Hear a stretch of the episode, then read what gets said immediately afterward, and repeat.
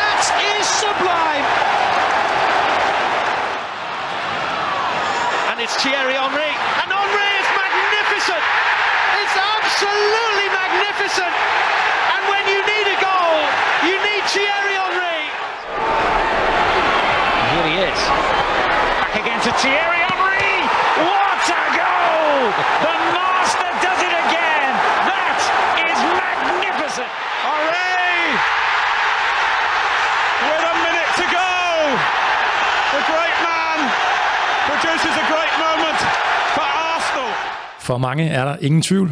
Thierry Henry er den bedste spiller, der nogensinde har optrådt i Premier League. Man kan sagtens argumentere for mange andre spillere, men øh, Henry befinder sig oppe i toppen, når man skal lave en liste over ligaens bedste igennem tiden. Det er jeg sikker på, at mange vil give mig ret i. Øh, stensikkert er det selvfølgelig, at enhver fodboldfans liste over de bedste igennem tiden sådan vil, se for, vil se forskellig ud. Men min påstand er, at Henri vil være at finde i top 3 på langt de flestes lister. Med garanti gælder det for de to herrer, som øh, jeg har inviteret med mig i studiet her i dag. Jeg selv hedder Adam Møller Gomar, og ved min side journalist Tue Sørensen, der tidligere har været mange år hos DR Nyheder og på P3, og nu øh, har sin egen podcast, som hedder Altid Arsenal. Øh, en podcast, som jeg lytter til og hygger mig med hver uge. Øh, Tue, tak fordi du vil besøge os her på Mediano. Så lidt. Tak fordi jeg måtte komme.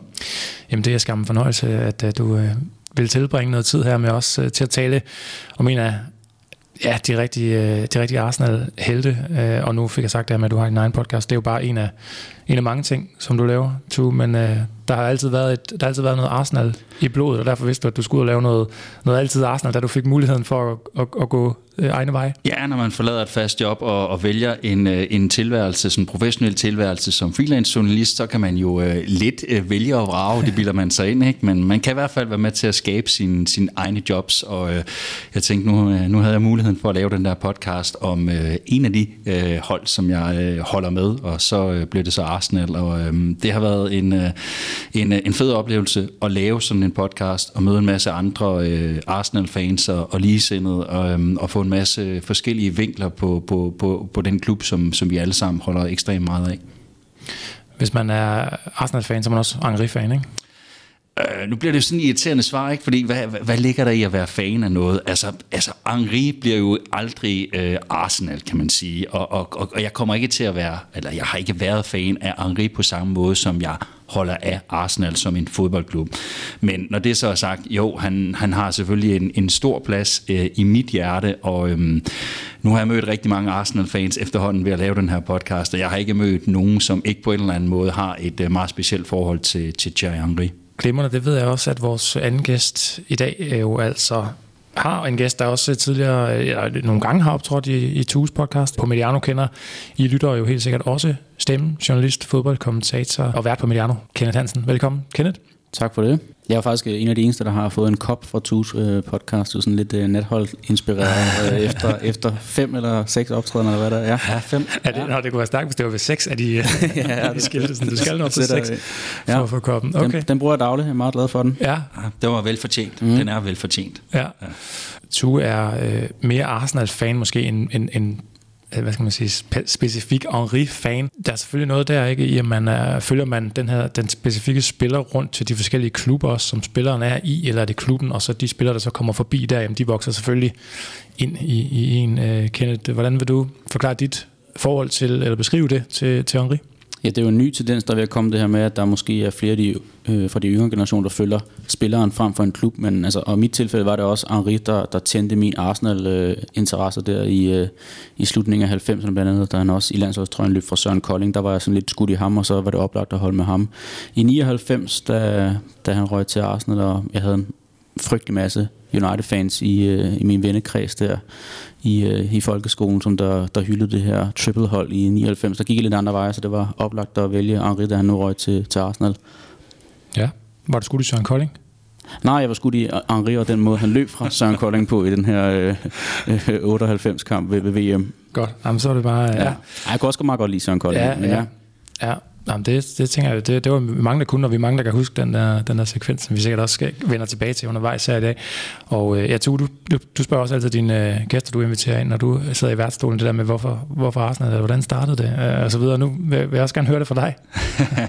Jamen altså, den er jo ikke meget øh, ulig, den historie, som, øh, som Kenneth han fortæller. For mig var det så bare ikke lige en spiller, der gjorde det. Det var meget det her med at vokse op i 90'erne, øh, være barn af tipslørdag, øh, gå op i engelsk fodbold, og så havde du øh, alle dine venner, som var Manchester United-fans, fordi øh, det begyndte at gå godt for dem på det tidspunkt. Så havde du alle deres forældre, de holdt med Liverpool, for det, det gjorde man, hvis man øh, voksede op i 70'erne og 80'erne.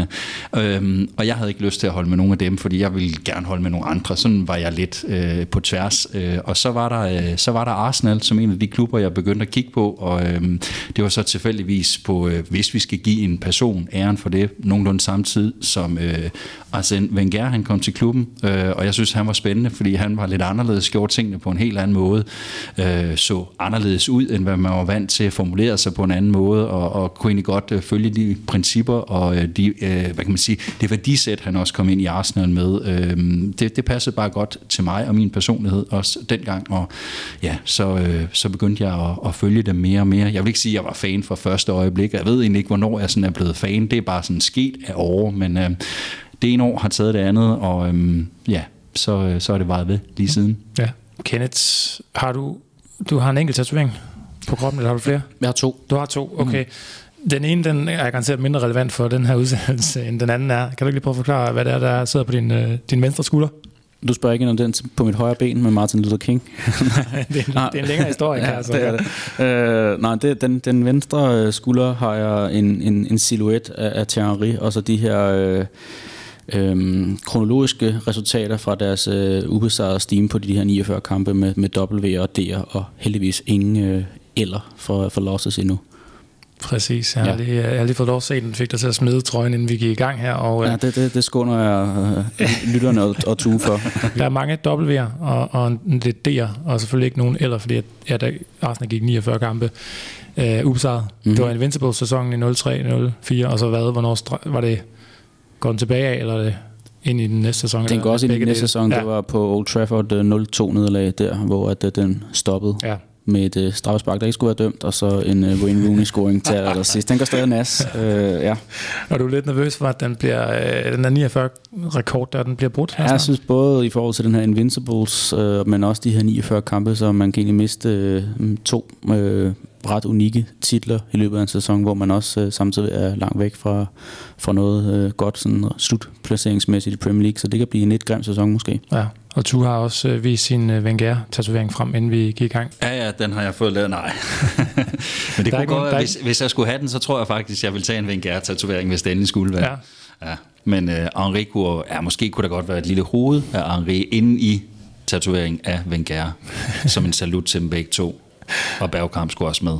Tony Adams måske også. Ej, så kunne vi blive ved. Så er det, så er det ryggen, der kommer i spil. Ja.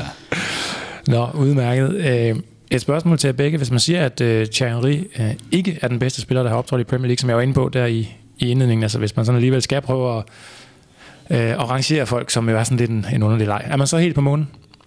Jeg synes i hvert fald, at man skal sådan frem med nogle gode argumenter for at kunne øh, modbevise øh, den påstand der. Altså jeg ved, vi kommer også til at tale om hans, hans evner og hvad det egentlig var, han kunne senere hen til Henry, men jeg synes jo, han er den mest komplette angriber, der har været, og han er så også den mest komplette spiller. Det synes jeg egentlig også langt hen ad vejen, fordi at jeg synes både, han havde lederskaberne, sådan det, det personlighedsmæssige, og så også kvaliteterne på banen. Han havde en helt speciel aura, og så fungerede han bare også godt med fansene også, så jeg synes egentlig, han havde hele pakken, og der er måske nogle, nogle, nogle britter, der sidder med, med klaphattene på det over, og mener, at, at Frank Lampard, Steven Gerrard måske har været større, og også nogle, nogle United-spillere gennem tiderne. Alan Shearer var bedre på hovedet, øh, spillet Sergio Aguero er måske bedre i, øh, med de her små touches i feltet, men sådan komplet, der synes jeg, at Thierry han er den bedste spiller, der har været i øh, Premier League historie. Ja, men jeg kunne ikke have sagt det meget bedre selv. Øh, altså, hvis vi endelig skal snakke om en, der måske øh, er på hans niveau, så tror jeg også, vi skal kigge efter en anden Arsenal-spiller, men det kan vi måske vende tilbage til på et senere tidspunkt. Men, men, men du kan også bare se, altså, hvem har præsteret over, over så lang en, en årrække på det niveau, som han har gjort. Jo, Alan Shearer, han scorede mange mål, og det gjorde han i mange sæsoner, men, men han havde ikke den der fulde pakke og den der karisma både på og uden for banen, som, som Thierry Henry havde, og, og for mig at se heller ikke det topniveau, som, som Thierry Henry han havde. Er han den bedste Arsenal-spiller, der har været, Henri? Øh, ja, det er han. Altså, altså det, det, det er en tæt kamp. Altså, jeg tror, det kan også være, hvis du spørger mig i morgen, så vil jeg svare Dennis Bergkamp. Det er måske lige, hvordan man er på dagen, men, men, men, men de to er, er, er meget, meget tætte. Men, men hvis jeg skulle vælge en øh, blandt de to, jamen, så, så ville det være Thierry Henry, og, og det hænger sammen med, at han bare over en, en, en lidt længere overrække end Dennis Bergkamp præsterede på, på det her ekstremt høje niveau, og, og bare gjorde ting. Det gjorde Bergkamp også, ting, som, som ikke burde være muligt på en fodboldbane. Men, men, øh, men hans øh, Øh, hvad kan man sige, øh, den der consistency, som, som han havde over så mange år, øh, og, og den måde, som han dominerede ligaen på, det gjorde Bergkamp ikke på samme måde. Øh, Bergkamp var meget en katalysator for at få Arsenal i gang igen i, i slutningen af 90'erne, øh, efter en, en periode, hvor, hvor Arsenal ikke rigtig havde været noget i ligaen. Øh, den kredit skal han have, men, men det var Henri, der tog Arsenal til, til det næste niveau, øh, da han så øh, kom til klubben. Jeg tror, det er netop derfor, du trækker lidt på det, når du siger, om Henri han er den største. Altså Bergkamp kom til Arsenal, hvor Arsenal var på et andet sted i forhold til, da Henri kom til os. Altså, at det, det var lidt mere for at gøre op med den her fire blok og boring, boring Arsenal og sådan noget. Det var Bergkamp, til, som kickstartede det med, med nye tider under Arsene Wenger også og sådan noget. Så kom øh, Henri til tre eller fire sæsoner senere. Der var Arsenal på et andet sted, end da Bergkamp han kom til. Så der kunne man måske sige, at, at han rykkede Arsenal rigtig, rigtig langt, Dennis Bergkamp, og så øh, Henri, han, han som tu siger, tog dem til det videre skridt videre hen. Spørgsmålet er så, om, om Henri kunne have gjort det i Arsenal, som han gjorde, hvis ikke det var, fordi Dennis Bergkamp havde været der og havde mm. lagt det fundament, der var. Det, det, det kan jeg måske godt tvivle, men, øh, men selvfølgelig, han, øh, han, han tog det lige til et, et niveau højere. Mm. I 2003 og i 2004, der bliver Thierry Henry nummer to i afstemningen om simpelthen at blive verdens allerbedste fodboldspiller. Det er efter øh, landsmand Zinedine Zidane i 2003, og så er det efter Ronaldinho i 2004. Og han vinder altså Henri aldrig øh, titlen som verdens bedste. Er det en fejl i jeres mening, eller var han aldrig verdens bedste? Ja, jeg synes jo, altså nu der de der, på et tidspunkt var der to afstemninger om den her verdens bedste fodboldspiller og Ballon d'Or, hvor de var øh, sidestillet, hvor de så blev slået sammen. Jeg tror, det var omkring øh, det seneste årti, omkring 2010, de blev slået sammen. Men der var to afstemninger på et tidspunkt.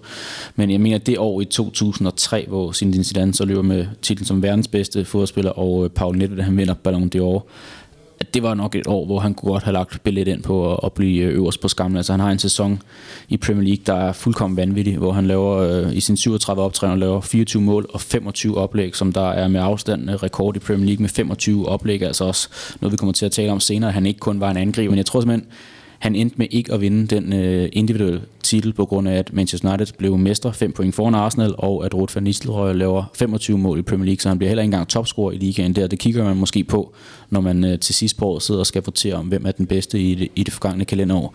Men jeg mener, den sæson med, med Paul Nedved, det var Terroris til at vinde. Han bliver også nummer to i Ballon d'Or øh, afstemningen. 128 stemmer, hvor Paul Nedved får 190. Men det skulle nok have været det år, hvor han havde, han havde den. 25 oplæg til mål i Premier League. Det er fuldstændig uhørt og stadig det bedste. Øh, der, hvor det, hvis der Fabregas var det ham, vi kunne komme nærmest, der, der har været tættest på. Øsel har faktisk også været deroppe af med nogle sæsoner, hvor de rammer en, en 18-20 stykker. Men 25, det er vildt. Det, det er jo helt... Øh, og, og, så kan vi vende tilbage til det, som øh, Kenneth siger, om han netop var rendyrket nier mere kant, eller hvad han var.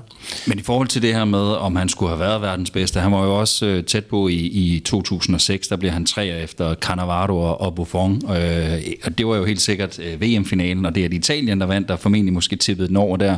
Havde Frankrig vundet den der VM-finale, så havde det måske været Thierry Henry, der havde, havde vundet den det år. Øh, 2004 øh, synes jeg også var et, et vanvittigt år for ham. Der, der vinder han også øh, Golden Boot i, i, i Europa, scorer 30, over 30 mål, eller 30 mål i Premier League den sæson, ikke? Og, og det er en Invincibles øh, trofæsæson det år.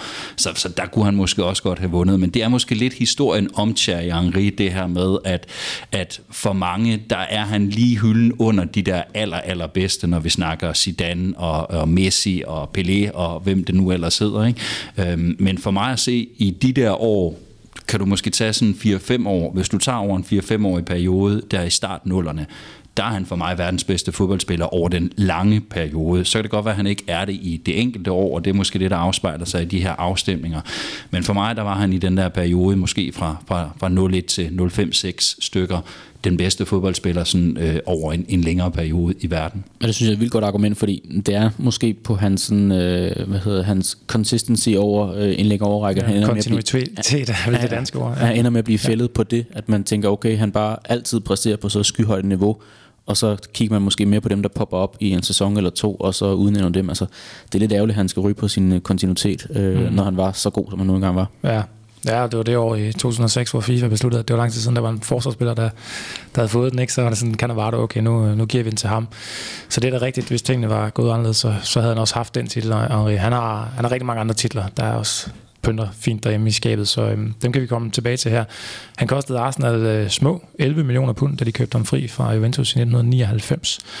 Og otte år efter, og ja, et godt stykke over 200 mål senere, jamen, så fik han jo vist, at han var alle pengene værd, og også lidt til mere rigeligt om lidt. Først så lige et øh, ord øh, fra dem, der er, øh, er en af grundene til, at vi kan lave det her indhold, sortesokker.dk. Så øh, før vi lige går tilbage til Henri, så får André fra sortesokker.dk bolden, og så er vi altså tilbage med mere Henri snak lige om lidt.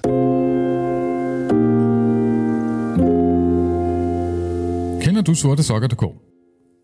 Vi har fået lov at fortælle om sortesokker.dk her i den udsendelse, fordi vi støtter Medianos indhold om fodboldens legender. Det er nemlig noget af det indhold, vi selv hører ud hos os. Budskabet er egentlig ret nemt. Hvis du kun har sorte sokker i skuffen, behøver du ikke at sortere og parre sokker efter vask. Bare smid dem i skuffen, tag to tilfældige hver morgen, og så er du helt sikker på, at de matcher. Tjek det hele på sortesokker.dk.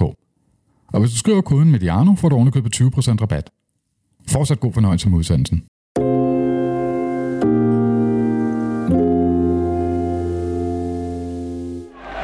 Henri. Again, Almeida couldn't stay with it.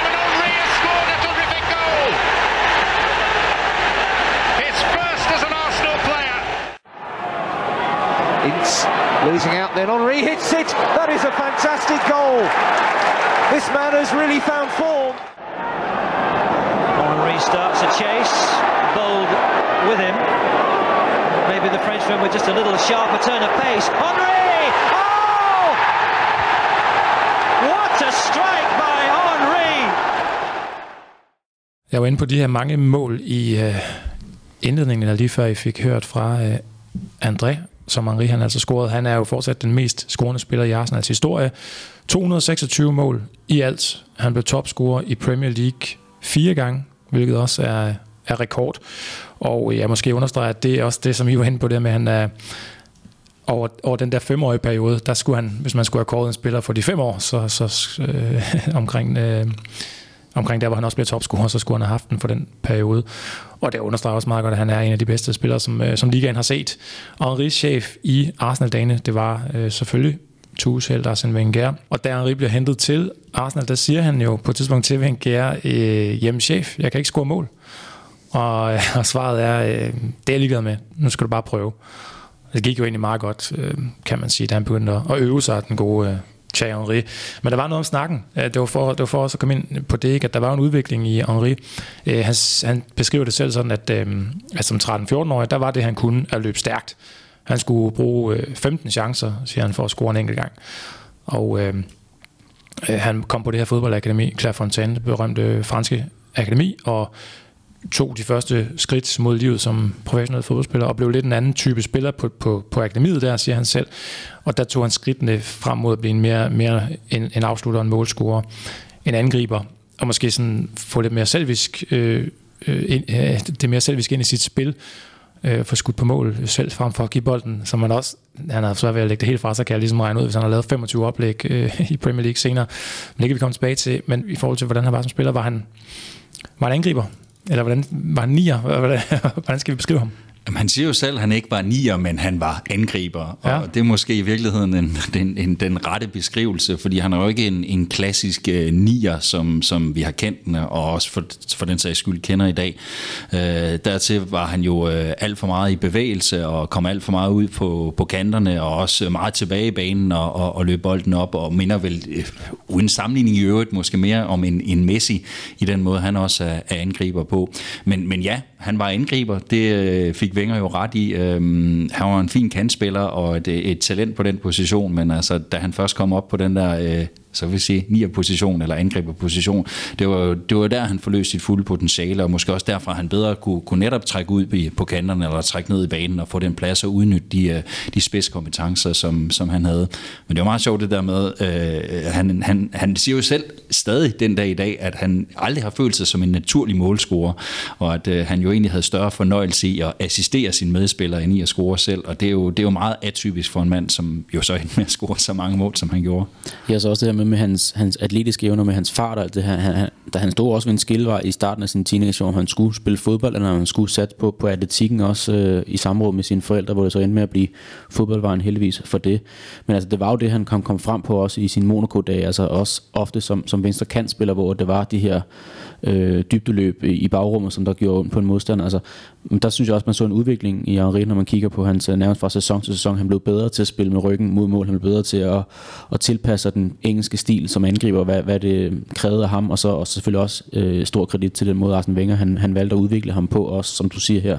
Altså han, han kommer, og de har der samtale med, jeg kan ikke lave mål, hvorfor skal du så spille som angriber? Men øh, Wenger havde en to tro på, og havde set nogle ting i hans spil, som der kunne gøre, at øh, man kunne få mest nytte ud af Henri lidt længere frem på banen, og måske ikke isoleret ud på en kant. Og så kan det godt være, at han siger, at han ikke var en naturlig målscorer, men han havde i hvert fald en fornemmelse af, hvor målet det stod. Det var sjældent, han lavede de her Jon Dahl-mål, som han bare, hvor den bare blev tappet ind med en inderside ind i det lille felt. Øh, han, han scorede mål fra alle mulige andre vinkler, og det kommer vi sikkert også tilbage til.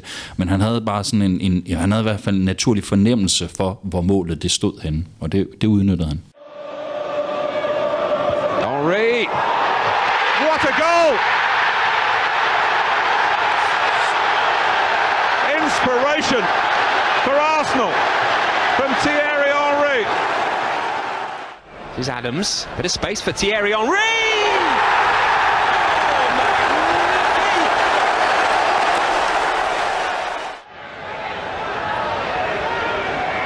Beautiful balance. And he's got the cross in. And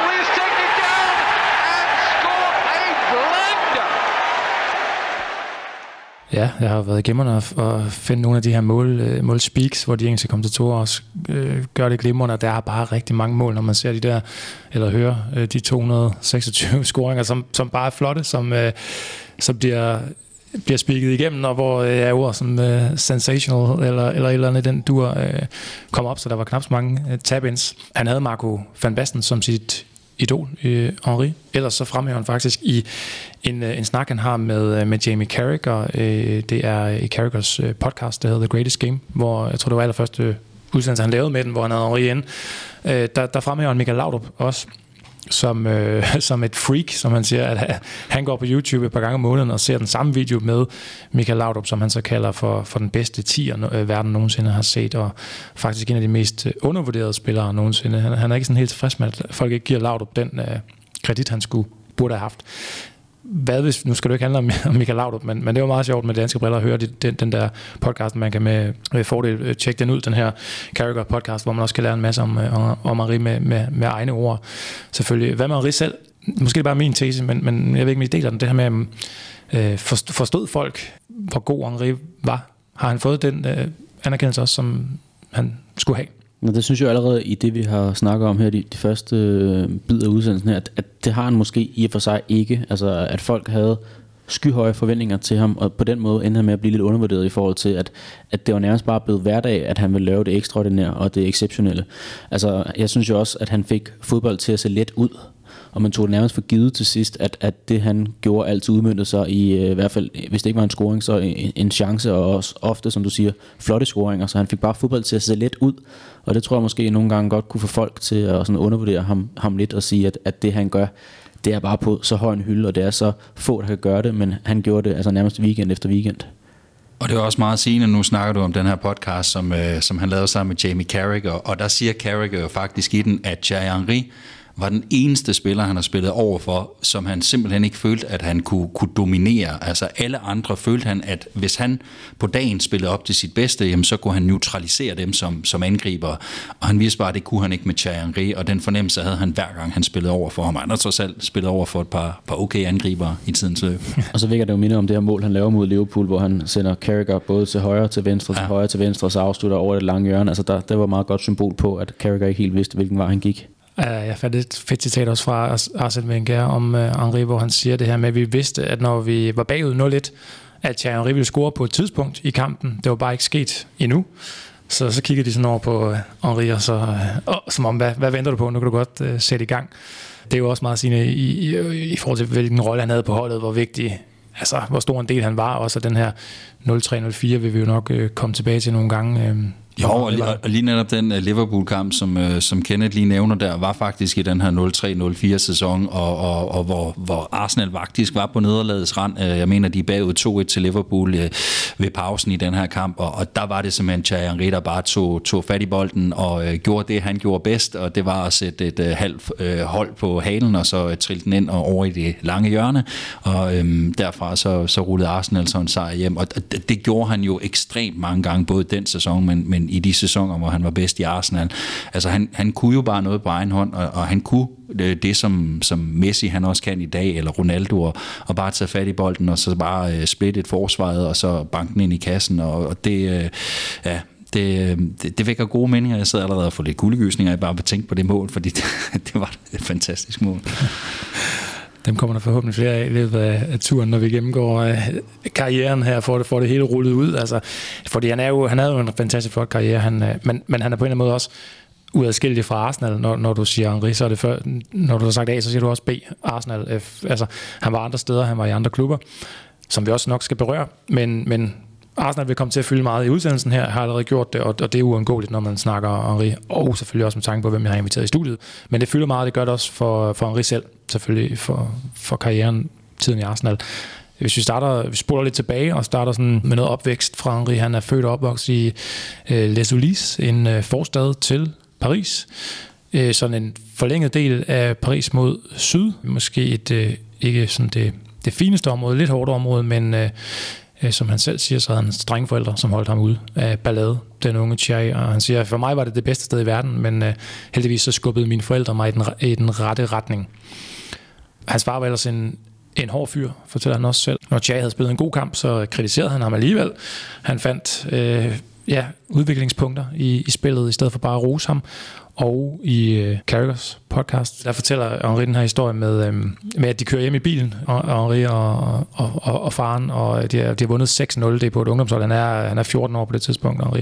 Han har scoret alle seks mål, og han øh, føler sig som kongen, og han forventer, at han skal, han skal ud i bilen og, um, og have et, et klap på skulderen af sin, af sin far. Men øh, han, øh, han kommer ind på i stedet for, jamen, øh, du misser en aflevering i det 14 minutter, eller hvad det nu var, du slog, en dårlig, slog et dårligt indlæg i det 34. minut.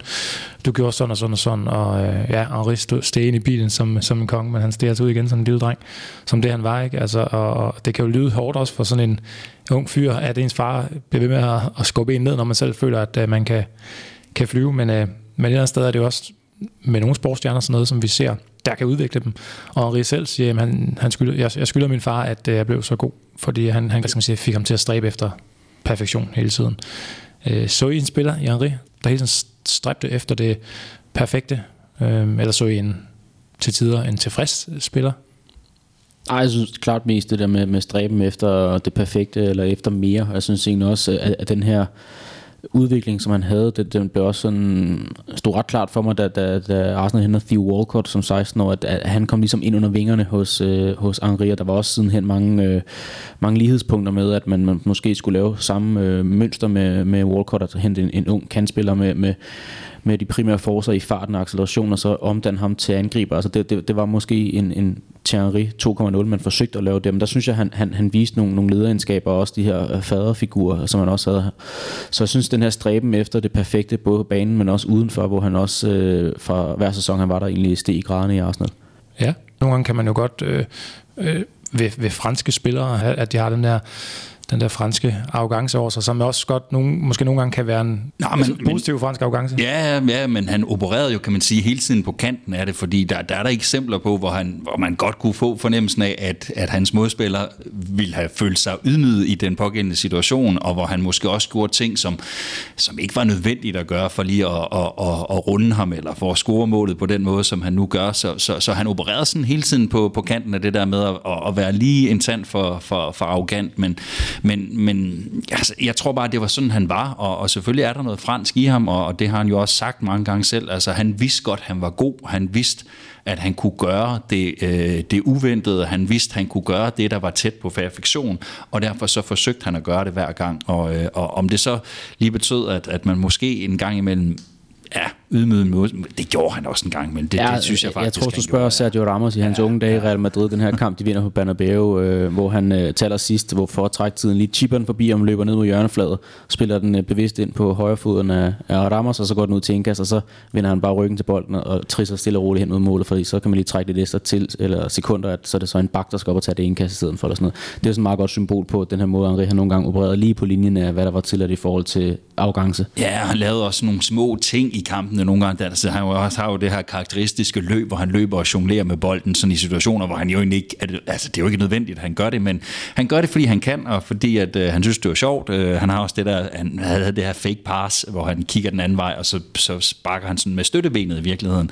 Øh, var også sådan en, som han øh, sådan perfektionerede sådan, øh, i løbet af sin karriere, og som, som i virkeligheden øh, blev brugt på, på et tidspunkt, hvor det var unødvendigt at bruge den, men han gjorde det, fordi han vidste, han kunne gøre det, og han synes, det formentlig så lækkert ud, og øh, ja, så, så var det jo bare en del af, af hans spil og hans natur at gøre det. Men tænker, den her stræben på perfektion også, altså, der, der skal vi heller ikke undervurdere rollen hos Arsene Wenger. Altså, han var jo perfektionist til, til fingerspidserne også, og deres forhold blev også sådan lidt øh, far til sidst, men, men altså den måde Wenger han kommer til, til engelsk fodbold på, hvor han installere sig i en, en lejlighed, og det eneste, han, øh, han ligesom får, det er et fjernsyn med en videooptager til, så han kan sidde og, og se en hel masse kampe og nørde en hel masse ting. Altså han køber ingen møbler, han køber ingen øh, uh, interiør til, til lejligheden, kun et bord, hvor han kan spise på, og en seng, hvor han kan sove i, og så det her fjernsyn og en videomaskine. Det er det eneste, han har det første halve år omkring uh, hans tid, tid i London. Altså han skal ikke bruge, bruge lørdag formiddag på at kigge på, uh, på galleri eller på uh, noget til, til væggen eller noget. Og det synes jeg afspejler sig lidt den måde, Henri han også udviklede sig på. Altså han, han, han var ikke minimalistisk på samme måde, men, men han var også bare nørdet helt ned til det aller sidste. Og så var der jo også en kultur i Arsenal omkring de her år, omkring øh, uh, Invincible-sæson i, i 03-04, hvor, uh, hvor, hvor man kan sige, Arsenal jo også uh, ydmygede modstanderne, og simpelthen altså kampe, som var afgjort, uh, hvor man var foran 3-0, jamen så, så kløede man på alligevel og vandt 4-5-0, uh, øhm, hvor der måske lidt var sådan en, en der var nogen, der, der var lidt kritiske i forhold til, var det nu nødvendigt, og nu skal I bare blære jer, det er show over for alt det her, ikke? Men, men hvor uh, Henri og, og flere af de andre spillere fra den tid jo også bare siger, men det var kulturen på holdet på det her tidspunkt. Altså øh, enhver træningssession, den var, der, der spillede vi til grænsen, og der udfordrede vi hinanden, og øh, der var en konkurrencesituation, så, så de, de stræbte hele tiden efter at blive bedre som en enhed, men selvfølgelig også individuelt. Og der var så mange gode spillere, som var med til at presse hinanden til at blive endnu bedre dag ud og dag ind, og, og det, det tror jeg da også var en del af det.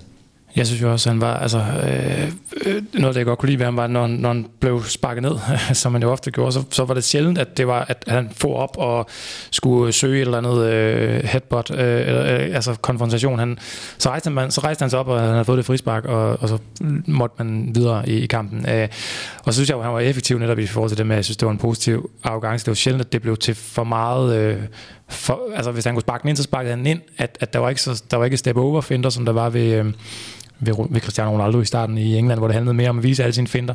Øh, men jeg er givetvis ret i, at der var mange, hvor han godt kunne have, kunne have undgået at vise, hvor god han var i forhold til, til nogle af forsvarsspillerne. Øh, han har jo selv sagt noget øh, af øh, det her med den engelske presse faktisk nogle gange var efter ham, i forhold til, at han ikke viste følelser nok på banen.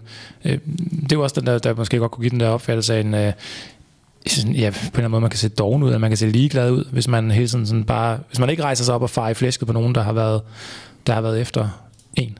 Hvordan vil vi beskrive hans attitude og, øh, og sådan ageren på banen i løbet af en kamp? Jeg synes, at Tu siger meget godt i forhold til den her selvbevidsthed. Han var godt klar over, hvor god han var. Øh, og det udmyndte sig måske også i, at når der blev begået et frispark, der var lige på grænsen på ham, så var det måske også som følge af, at han havde været øh, lidt, lidt smart i det nogle gange, så han kan måske godt sætte sig ind i forsvarsspillerens hoved og sige, okay, øh, ham her offensivspilleren, der, der har alle øh, værktøjerne i, i redskabskassen, han, han han skal lige have, have kærligheden og følge her, så kan han måske godt sætte sig ind i det. Altså, så jeg tror, han var egentlig meget selvbevidst omkring øh, måden, han, han fremstod på på en fodboldbane, og det synes jeg også bare, at man kunne se på, på hans, hans øh, agerende, altså at han, han var meget selvbevidst, hvilede meget af sig selv, og vidste lige akkurat, hvad han kunne, og nogle gange også øh, ja, øh, lidt, lidt over grænsen, hvad han kunne. Men han vidste også godt, at det var ham, der skulle afgøre en kamp. Så jeg tror også, det her med at vise følelser var egentlig noget, han først skulle gøre, når han så vidste, at han havde gjort det arbejde, som han var med for. Og det var for at score målene og afgøre kampen. Og når så han havde gjort det, jamen så kunne man godt få det her øh, lille smil på, på læberne af ham. Fordi det kunne han jo også. Altså, han kunne godt smile på en fodboldbane, når han har scoret mål. Øhm, men jeg tror simpelthen også, øh, meget af det handlede om, at, at han var ekstremt bevidst om, at øh, han havde et stykke arbejde, at der hvilede et vist pres på ham, og at han skulle ud og levere. Og indtil han følte, at han havde leveret det, som han kunne levere, jamen så var der ikke plads til at vise øh, følelser på, på banen. Tidligere holdkammerat også fra Invincible, Daniel Campbell, han beskriver øh, i et interview, hvordan Henri var god til at udnytte det her med, at når, når han ser en forsvarsspiller ud af balance, så, så var det stadig, han havde det her fantastiske antrit og, og farten, ikke? Og, og, og, og udnytte den her fejl, så snart der nogen, der viste øh, svaghed, øh, og tit var det også ham, der bragte dem ud af balance, som med Carragher, som vi var inde på tidligere. Og øhm, Øh, til dem, som øh, det var bare for at komme ind på, øh, i forhold til, til mange af de her mål, som jeg var inde på, at der blev, han scorede rigtig mange flotte mål, men vi har også nogle, en, nogle idéer af, hvordan et trademark, øh, en, en afslutning eller dribling øh, var fra Henri. Hvordan vil I beskrive til dem, der sådan måske ikke kan huske hele hans karriere så godt, øh, eller er lidt yngre end os, der sidder herinde i, i studiet i dag. Hvad var et typisk Henri-mål? Jamen det, det typiske Henri-mål er jo, er jo den her med, at han kommer ud fra, fra venstre kanten, og sådan øh, på kanten, eller inden lige ind i feltet, jamen så krøller han den med, med højre inderside sådan, øh, over i det lange hjørne. Det var, det var måske sådan trademark Henri-målet. Men øh, altså, jeg, jeg synes jo, det vil være at igen, nu har vi snakket lidt om at undervurdere ham, og undervurdere ham, hvis man bare siger, at det var det, han kunne score mål på, fordi han, han kunne score mål på alle måder i virkeligheden, og, og hvis man sætter sådan noget og ser en lille uh, YouTube-compilation af det, så, så vil man se, uh, hvor mange forskellige slags mål han, han har lavet. Han har lavet stort set alle slags mål, bortset fra det her tab ind mål med indersiden. dem har han også sikkert også lavet uh, et par stykker af, men, men, men han kunne jo score mål fra uh, alle vinkler og fra alle positioner og skabe mål på alle mulige måder. Øhm, men, men er der trademark, så er det den der øh, krøllede inderside over i det, det lange hjørne. Ja, fordi hvis du hører nogle af de der engelske lydklip der, så, så har man altså også hørt en engelsk kommentator, der tog sige åh, oh, oh, når han altså på, på modstanderens bekostning, altså når han fik de der muligheder, to træk fra venstre siden ind i banen, og så øh, lægge an til at bare lægge den stille og roligt med en inderside over et lange hjørne. Altså, når kommentatorerne begynder at sige åh, oh, oh, på, øh, på modstanderholdets bekostning, så ved man godt, at, at så er det noget nær et, en trademark afslutning. Ja. Ja, ja, og straffespark, frispark, kunne han jo som end også score på. Ja, han scorer masser af frisparksmål, ja. masser af, altså, lavet, har lavet en del Panenka også på straffe øh, gennem tiderne. Øh, måske endda den, der har gjort det mest, jeg ved det ikke. Men, øh, og ham, var... ham og Robert Perez havde også en mislykket forsøg, hvor de skulle øh, trille den til siden det er mod, mod Manchester City, hvor de så fik ja. lov til at, at gøre det en gang mere, hvor det så lykkedes lidt bedre. Tilbage til den der øh, franske arrogance. Ja. ja. Udmærket. Et lille øh, stop her på vejen, fordi at, øh, før vi går videre, så vil jeg lige give ordet igen til sortesokker.dk, som altså er øh, grund til, at vi fortsat udkommer med de her Legends udsendelser, så øh, jeg synes, I skal sende en pæn tanke til dem, hvis I kan lide det indhold, som vi altså kan lave her. André fra Sorte Sokker får bolden, og så taler vi mere om lige om lidt. Hej, det er mig igen. André fra sortesokker.dk. Jeg er glad for, at vi kan skubbe lidt på, så Mediano kan lave mere indhold om fodboldens legender. Og hvis du også er glad for det, så håber jeg, at du vil tænke lidt på os, når du skal købe det, som de fleste af os bruger. Nemlig sorte sokker, sorte boxershorts eller sorte t-shirts. Tjek det hele på sortesokker.dk. Og hvis du skriver rabatkoden Mediano, får du ovenikøbet 20% rabat. Fortsat god fornøjelse med udsendelsen.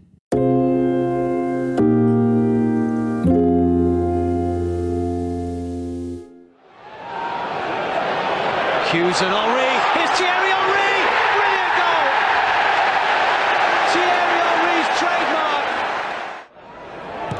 Play it in. Henri. That is a stunner. Ball through. to Perez by Edu, used to Henri, he's got plenty to aim at, like that! An astounding goal from Thierry Henry. Det var jo i Monaco, at Thierry Henrys rejse for alvor begyndte. Det var også her, han mødte Arsene Wenger, som var manager, så øh, det var måske i virkeligheden øh, ret afgørende for Henrys fremtid, at han mødte ham på, øh, øh allerede på tid, tid, tid, et tidspunkt i karrieren. Og så kan vi komme tilbage til det med, at han, at han jo skulle lære at score mål. Øh, det var ikke noget, han var født med, måske i virkeligheden, ligesom man næsten fornemmer bare, at, at nogle spillere er, at de har den der berømte målnæse, hvad, hvad det så end er. Men at der er mange, der scorer tab eller scorer de lette mål. Dem har han ikke lavet så færdig mange af, Henri, det har vi været inde på. Wenger sagde om ham dengang, han synes, eller siger, at han kan huske, at Henri dengang var uskarp, han, han brændte for mange chancer, og så synes han egentlig ikke, at han var specielt dygtig teknisk. Men han gav ham chancen jo selvfølgelig, øh, Wenger, og det fortryder han naturligvis ikke. I 1996, der blev Henri kåret til årets unge spiller i Frankrig. Året efter, der vinder han med Monaco mesterskabet, og allerede der spiller Henri en, en stor rolle. I 98 der når de semifinalerne i Champions League, og der scorer Henri syv mål undervejs i Champions League. Altså rimelig imponerende, han så ung gut. Så et rimelig hurtigt og, og eksplosivt øh, gennembrud i fransk fodbold for en ung Henri. Men igen, det sjove er det her med, jamen han var kantspiller, da han slog igennem, og øh, jeg spurgte tidligere ind til, om han var angriber, eller han var nier, og, øh, og hvad blev enige om, at han var, han var ikke var ikke den traditionelle nier, men, øhm, men hvor var han bedst, synes jeg? Fordi øhm, han kom jo tit ud fra venstrekanten, som vi var inde på. Det var et typisk Henri-mål, eller dem har vi i hvert fald set rigtig mange af, når han op, opholdt sig, sig derude. Men øh, hvor på banen var han bedst? Hvilken rolle var han bedst? Jamen jeg synes jo, som det er, som tur også siger, den her lidt rolle, som vi også har lært Lionel Messi at spille i på det seneste i Barcelona, hvor han også har mulighed for at trække lidt længere tilbage i banen og også agere med som opspilstation. Og øh, Bergkamp kunne også nogle gange lidt det samme. Det er egentlig meget fundet, at de to godt kunne fungere så godt sammen, fordi ingen af deres øh, foretrukne roller var at lægge helt op og strække øh, modstanderen til to centerbacks. Altså. Men det gav bare så meget til Arsenals spil med de her, altså også noget, øh, vi, vi kommer til at tale om, hvad der var, der gjorde Arsenal gode, det der Henri var der, at det var, at man kunne få mål fra så mange spillere, fra så mange kanter. Altså det var ikke kun Henri eller Bergkamp, der lavede målene, men han havde også midtbanespillere, der flyttede med, med 15 scoringer med Lundberg og Pires og sådan noget. Man havde så mange trusler rundt omkring, og det tænker at det var den den måde, som Henri han spillede angriber på, der gjorde, at hans medspillere omkring sig blev så meget bedre og blev så meget mere øh, farlige foran modstanderens mål. Altså, det her med at trække tilbage, det, det synes jeg bare var en så stor del af hans måde at spille fodbold på. Altså han, han kunne ikke apropos hans tid i Barcelona, han kunne ikke affinde sig med at bare nogle gange lægge og slikke kanterne, som Guardiola gerne vil have ham til at gøre. Det endte han så også med at, at mestre meget godt i Barcelona, men, men det krævede også noget oplæring der. Altså, du kunne simpelthen ikke styre ham og tæmme ham på den måde, at holde ham væk fra bolden i, i 30, 40, øh, 60 sekunder ad gang. Altså, han skulle være involveret i kampene, når Arsenal var bedst. Ja, han har også øh, ofte fortalt det der med, at hvis der gik en, øh, en 4-5 minutter, uden at jeg havde rørt bolden, jamen så, så blev jeg simpelthen øh, øh, syg oveni, og så skulle jeg bare have fat i den der bold. Øhm, altså, jeg synes jo klart, at han var bedst som angriber, men med den der frie rolle, som han, han, han, han havde, og hvor han kunne bevæge sig lidt øh, frit rundt på banen, om det så var ude på kanterne, eller gå ned øh, i banen og selv drive bolden op, eller hvad det var, det, det, det var sådan set underordnet, men, men det var bare den rolle, han var bedst i, og det var jo super godt set af Arsene Wenger, og, og det sjove er jo også, at i, i al den tid, Wenger har været der, så har det jo været nogle helt andre angribertyper, han har brugt øh, end Thierry Henry. Det siger selvfølgelig også lidt om, øh, hvor unik Thierry Henry han er, fordi du, du, øh, så har man haft øh, meget mere stationære eller klassiske boksangribertyper øh, i Arsenal, men, men Thierry Henry, der havde du bare en spiller, som havde den her eksplosivitet og, og kunne drive bolden med fart og, og, og, og kunne gøre ting på egen hånd, og, og så fik han en rolle, hvor han fik lov til at boldre sig i den, og, og det, det var jo tydeligvis bare det, der passede ham. Øhm, jeg, jeg tror ikke, han var blevet en, en lige så god spiller, hvis han var forblevet kantspiller. Det, det har jeg meget, meget svært ved at, at, at, at tro. Og, og selv da han var, var i Barcelona, hvor han øh, lå meget på kanten og måtte affinde sig med det, øh,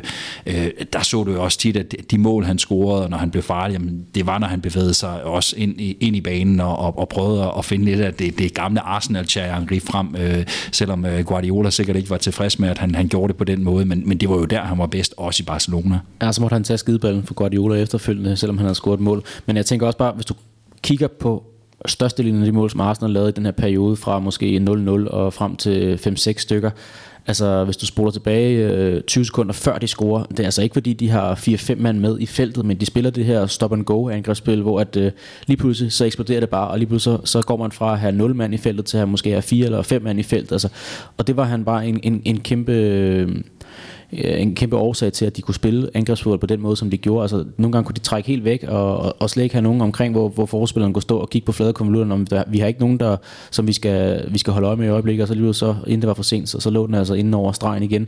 Så, så, så jeg tænker også, som du siger, at han var ikke blevet så stor en spiller, hvis han var blevet øh, fastlåst ude på venstrekanten, men jeg tror heller ikke, han var blevet lige så stor en spiller, hvis han var blevet fastlåst af en, af en manager og sige, du skal spille angriber, du skal være ham, der ligger hele tiden mellem de to midtstopper og strækker dem og gør, at de ikke kan skubbe frem på banen eller noget, altså med hans hurtighed. Arsene Wenger gav ham den plads øh, og, gav ham den råderet mm. til at spille så kreativt, som han gjorde, og så blev han også den angriber, som nu engang endte med at blive.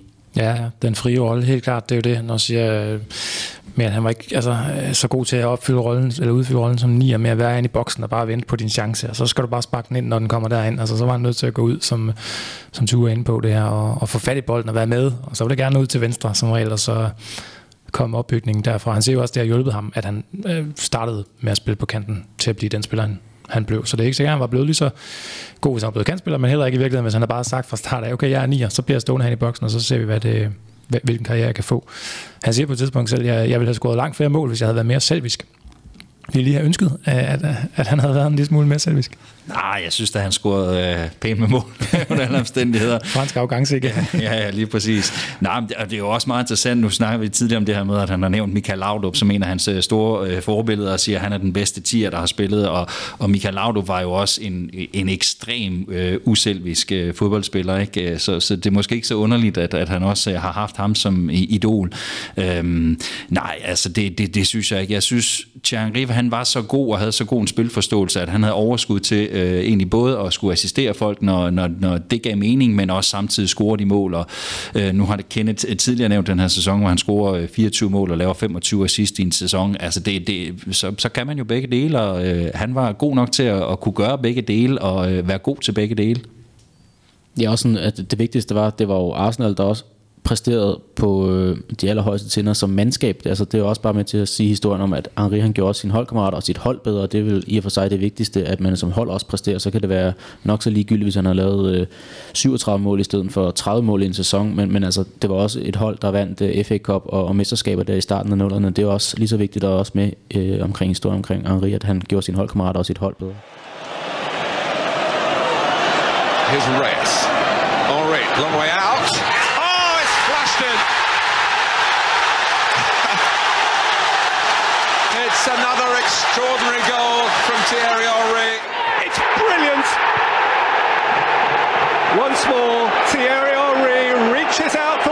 action.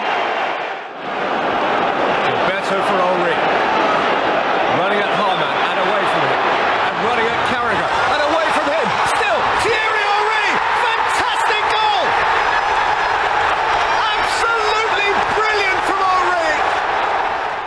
Allerede på det her tidspunkt af karrieren, der var øh, Henri jo i færd med at bryde igennem lydmuren, da vi, øh, hvis vi spurgte sådan tilbage til Monaco, som jeg var inde på, hvor han, han bliver udråbt som den store nye franske stjerne, og kommer allerede på landsholdet der i 1998, hvor han er med ved, ved VM. Øh, han scorer tre gange i gruppespillet, og øh, selvom han ikke får, øh, får scoret øh, flere ved, ved den slutrunde, han laver et mål i en, i en straffesparkskonkurrence, men så er han jo med til at vinde VM øh, med Frankrig der i en alder af 20 år, stærk nok at være blandt skytterne i, i det hele taget i, i så unge alder. Og VM i 2000 er jo der, hvor vi stifter bekendtskab med ham, og, og Søren Kolding i den øh, grad gør det. Her scorer han også blandt andet øh, i semifinalen mod Portugal, og vinder EM med Frankrig der også. Så er der VM i 2006, hvor han igen når øh, VM-finalen. Den bliver så tabt til Italien på straffesparkskonkurrence. Øhm, men, men, men hvad kan man sige, en fantastisk landsholdskarriere, øh, et fantastisk udbytte af de år på landsholdet, når man ser på, på trofæer, har vundet både et EM og et, et VM og nået to VM-finaler. Øh, han er jo den mest scorende stadig på det franske landshold. Han overgik Michel Platini og sluttede på 51 mål for Frankrig i 123 landskampe. Og ja, vi har jo talt positioner på, på banen på klubniveau. Hvad med på landsholdet? Husker I ham på samme, på samme måde? Fungerede han på samme måde som i Arsenal på det franske landshold? Nej, altså jeg synes jo, at, at mine erindringer omkring Thierry hos øh, Le Bleu er ikke i nærheden af at være lige så klar som i Arsenal-trøjen. Altså, der var den her 98, men, men, men, men det var jo altså primært som venstre kant, at han var med øh, som, som ganske ung. Øh, det var jo et angrebs en angrebstrio med, med Patrice Loco og Christophe Duguay og Steven Gavage, der spillede dengang. Altså, det var jo Frankrigs helt store kildeshæl på, på hjemmebane, og det var man snakker om i Frankrig, at, at det var dem, der skulle være årsagen til, at de ikke blev verdensmester på, på Agras, så havde man så Zinedine Zidane og andre, der kunne, der kunne sørge for, at man, man besejrede Brasilien i, i finalen. Men, men der husker jeg ikke Henri forfærdelig meget. Så var det mere Zinedine Zidane eller Lilian Thurams to mål i, i, i kvart eller semifinalen mod Portugal, tror jeg. Men altså, der, der var andre karakterer, der trådte i kraft. Det var det egentlig også i 2000 ved EM. Altså, der synes jeg mere, det var en helt støbt øh, holdindsats for Frankrig, der bare var øh, det bedste landshold i de år der. Og så i 2006, der var han måske en, en, en større stjerne på det her hold, men der ender de jo heller ikke med at vinde, og så ender de så også efterfølgende med at have nogle lidt lunkne år, hvor der også begynder at komme nogle øh, spillersager ind omkring, øh, hvor det bliver en rodebutik omkring det franske landshold. Så jeg har egentlig ikke, altså 51 mål, det er jo voldsomt imponerende i landsholdstrøje, det er ganske få, der kan matche det, men, men jeg har egentlig ikke de helt store erindringer i landsholdstrømme med, med Thierry. Nej, altså jeg skal også skynde mig at sige, at jeg er klart mest fuldt uh, Thierry i den tid, han har spillet i, spillet i Arsenal, men, men selvfølgelig følger man ham også lidt, når han spiller, spiller på landsholdet, når man, uh, når man, uh, når man har en, en klubmand på den måde. Ikke? Øhm, men altså, hvad for en rolle var han bedst i på landsholdet? Han havde jo også lidt skiftende roller. Han startede jo også som kantspiller, og så blev han mere angriber, men man havde jo også den her periode, hvor, hvor de havde Trezeguet, der jo også var en, mm. en verdensklasse angriber, og, og jeg kan faktisk ikke engang huske, om de, de spillede de to op foran, hvor, hvor, hvor Thierry havde en lidt mere fri rolle, og han netop kunne komme ud over kanten, eller hvordan de spillede i den, øh, i den periode, og så havde de jo bare også Zidane i alle de år, hvor, hvor, hvor Henry også næsten spillede, så, så på den måde bliver hans landsholdskarriere, selvom man kan læse det både en EM-titel en VM-titel og en, og en VM-finale oven i det op, og at han har målrekorden, at det var det 51 mål i, i 123 kampe. Det er mig væk øh, en meget god statistik. Så, så, så er det ligesom om, at hans landsholdskarriere på et eller andet måde er blevet overskygget af, at han har spillet sammen med øh, nogle spillere, øh, der har været øh, næsten lige så gode som ham, lige så gode som ham, og så måske endda i, i, i sit andet tilfælde bedre end ham, i hvert fald den periode her. Øh, øh, og, og derfor så, så, så blegner den måske lidt i forhold til, til hans klubkarriere, her, hvilket jo er lidt af... Ja, statistikken siger jo, at det, det, det burde være noget andet, ikke? Men, men, men for mig, så, så, så er hans landsholdskarriere, den, den er sådan lidt underlig, fordi han formåede jo egentlig heller ikke at løfte Frankrig, da han så tog over øh, efter at Zidane stoppede. Øh, der havde de øh, øh to øh, forfærdelige slutrunder øh, efterfølgende, og den i, i 2010, som er hans sidste, gik op i fuldstændig hat og briller, og han var jo selv en del af, af, af den her ting med, med, med spillerne, der udvandrede fra træningen og så videre. Så, så det er selvfølgelig også sådan en, en ting, der, der er lidt et, et, et skår i glæden øh, omkring øh, landsholdskarrieren, når man sådan kigger tilbage på den, og, og når man kigger på de her slutrunder, var det jo heller ikke, fordi han havde en slutrunde, hvor han bare brændte turneringen mm. fuldstændig af. Øh, de her tre øh, turneringer, hvor de nåede langt Frankrig. Der, nu må jeg rette mig kende, at du har garanteret styr på, på tallene, men, men jeg mener, han scorede tre mål i alle de tre slutrunder øh, i løbet af turneringen, og det er jo heller ikke, fordi det sådan er, er fuldstændig vanvittigt, men igen er det måske lidt det her lange seje træk, hvis du ser over hele hans landsholdskarriere, så har det jo egentlig været imponerende, hvad han har opnået, øh, både personligt, men også med holdet, men, men det er svært sådan at, at tage nogle enkelte kampe eller enkelte turneringer ud, og så sige, når man, det var virkelig der, han gjorde forskellen. Det, det synes jeg faktisk ikke rigtigt, der har været. Nej, så, så falder det måske også lidt tilbage på, altså Arsene Wengers øh, tro på Henri og den her frie rolle, den fik han jo ikke på landsholdet. Altså, det, var, det var lidt øh, mere pragmatiske trænere, de havde. Altså, da, det, da de vinder i, i 98, så er det med, med Aim Chiquet, som man gerne vil spille med den her... Altså, det var Dykkeri, der både starter finalen i 98 og i 0-0. Og Dykkeri, han er jo altså en noget anden type, hvis man kan huske ham, end, end Thierry han var. Altså, det, han, han var den her arbejdsomme angriber, som der skulle være med til at lægge det første pres. Og så spillede man også ofte i, øh, i 98 tror jeg, de spiller den her juletræsformation 4-3-2-1 med, med Zidane og Djokaev øh, som de offensive øh, indspark uden reelle kanter. Han var jo med på en kantposition måske, altså, det, det var ikke for mange minutter, han fik, og heller ikke en fremtrædende rolle, og, og 3 kommer så ind og, og får øh, den her øh, helterolle i 2000, hvor han afgør det på det her silver goal i, i finalen. Så, så, så han havde jo oftest, hvis han spillede, når han blev, fik lidt fremtrædende rolle på landsholdet, så var det som ene angriber, og der, der tænker jeg, der er Thierry på ingen måde bedst, altså når han ikke har en, en marker omkring sig øh, til, til at løbe de huller, som han skaber til at udnytte den plads, som Thierry han skaber på en fodboldbane. Så, så, så forholdene var bare ikke noget nær lige så optimale, som de var i Arsenal, og, og med den måde, som øh, Arsene Wenger vil spille på. Og det er jo på landsholdet næsten, at, at vi kan huske, eller sådan, at vi kan finde det, det, det mest negative, vi, vi, vi kan grave frem om, om der var noget med en hånd på, ja, en arm på. Mod Irland, ja. ja. ja. Øh, og det, men det er måske også meget at sige om, at, at, at i, i nogle af de andre Legends udsendelser, vi har lavet, blandt andet lavede den om Maradona, hvor der var masser af ting uden for banen at tage fat på, at, øh, at, at det var der knap så meget af. Det eneste, sådan, øh, ja, det er jo tæt på skandale. Jeg ved ikke, om det her kunne klassificeres som skandale overhovedet, men det foregik alligevel inden for kridtstregene. Hvordan husker I den der øh, øh, ja, misæren med, med håndbold? Det var det, der gjorde, at, at Frankrig kom med til VM. 10. I 10, var det det? Ja, ja. jeg tror, det er ja. der omkring. Altså, og, og, ja, en, en playoff-kamp, der afgør det hele, og det er den scoring, som der ender med at, gøre, at det er Frankrig, ikke Irland, der skal med til den slutrunde. Jeg mener, det er VM 10. Ja. Øh, og, og han har jo også efterfølgende ude at sige, at det var en bevidst handling, så der var ikke noget sådan Maradona over det at sige, at det var Guds hånd på nogen måde eller sådan noget. Og der kommer man den der frans, franske arrogance med at sige, at Frankrig skulle selvfølgelig med til en slutrunde, så jeg var berettiget til at gøre det, jeg nu engang skulle gøre. Øh, det, det er måske ikke det, han ordret har sagt, men det lå lidt i det, også den måde, som man så det på, især i Frankrig, at, at, at, at det var det, som der sikrede, at de var med til en slutrunde, og så øh, skal måske ikke... Øh, kigge så meget på, på mellemregningerne, hvordan de kom derhen, men at de nu var med igen, som de selvfølgelig skal være, som den stormagt, de er i international fodbold. Men han var, langt, han var lang tid om at indrømme, det var han ikke det? Jo, det kom de, ikke lige med det samme, som jeg husker. stille med dørene, nej, nej, det var ja. først sådan, øh, jeg tror også, det var efter, efter slutrunden også, endda først, at det var det omkring, det kom frem, og, og, og så for, for Irland var det jo en kæmpe sag, den her forholdsvis lille nation, og det var måske det sidste, den sidste tid med deres uh, kul med, med de to, Keane, Robbie og Roy og sådan noget, så, så, så det, det var deres mulighed for at komme med til en slutrunde, og så blev den spoleret, fordi at en uh, arrogant franskmand, han valgte at bruge hånden, og ikke uh, låret eller benet i stedet for, ikke?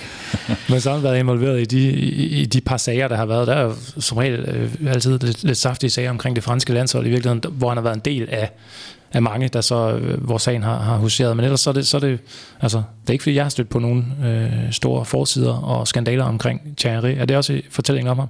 Ja, helt det, som du siger med, med, med omkring 2010 med den slutrunde her, det, det var jo et helt spilleroprør, der var mod Raymond Domenech, øh, den her øh, landstræner, som der var fuldkommen fejlkastet som, øh, som fransk landstræner. Altså han var, han var noget af en cirkusklovn, endda også med at, at, at, blive udstillet som årsagen til den her misære, som det var med, med fransk landsholdsfodbold. Men, men der var han jo ikke frontfiguren i det. Han, han havde selvfølgelig en, en fremtrædende rolle på grund af hans plads i hierarkiet, men, det var, men, men man havde ikke indtryk af, at det var ham, der ligesom øh, skabte de første gløder, som der fik øh, bålet til at brænde under Domenech ikke til sidst, så, så, så man skal lede meget længe efter de her skandaler. Ja, så kan vi jo diskutere, at, at, at kvæg den plads i hierarkiet, som han havde, så kunne han måske være en af dem, der har gået ind og taget den anden holdning og sige, hey, nu, nu står vi lige sammen øh, på banen i stedet for, i stedet for at gøre oprør mod træneren. Det gjorde han så ikke, men igen, det er, det er måske lidt søgt i forhold til at, at prøve at finde noget, som, som vi skal være kritiske omkring. Men, men nej, det, det, det er svært, og det kan godt være, det er også bare fordi, jeg har de her øh, rød-hvide Arsenal-briller på, at det, det er så svært for mig at finde noget, men, men, men det er jo meget positive ting, der er også omkring øh, Thierry Henry uden for banen, når det ikke lige handlede om, om fodbold. Der har været en, en, en skilsmisse, som, som jeg egentlig heller ikke engang, øh, selvom jeg tror, det var, der, var lidt, øh, der var lidt kamp omkring nogle, øh, nogle, nogle penge og så videre i, i forbindelse med den, men, men det var ikke sådan en, der fyldte på samme måde i pressen, som så mange andre skilsmisser, der involverede nogle, øh, nogle berømtheder på det niveau.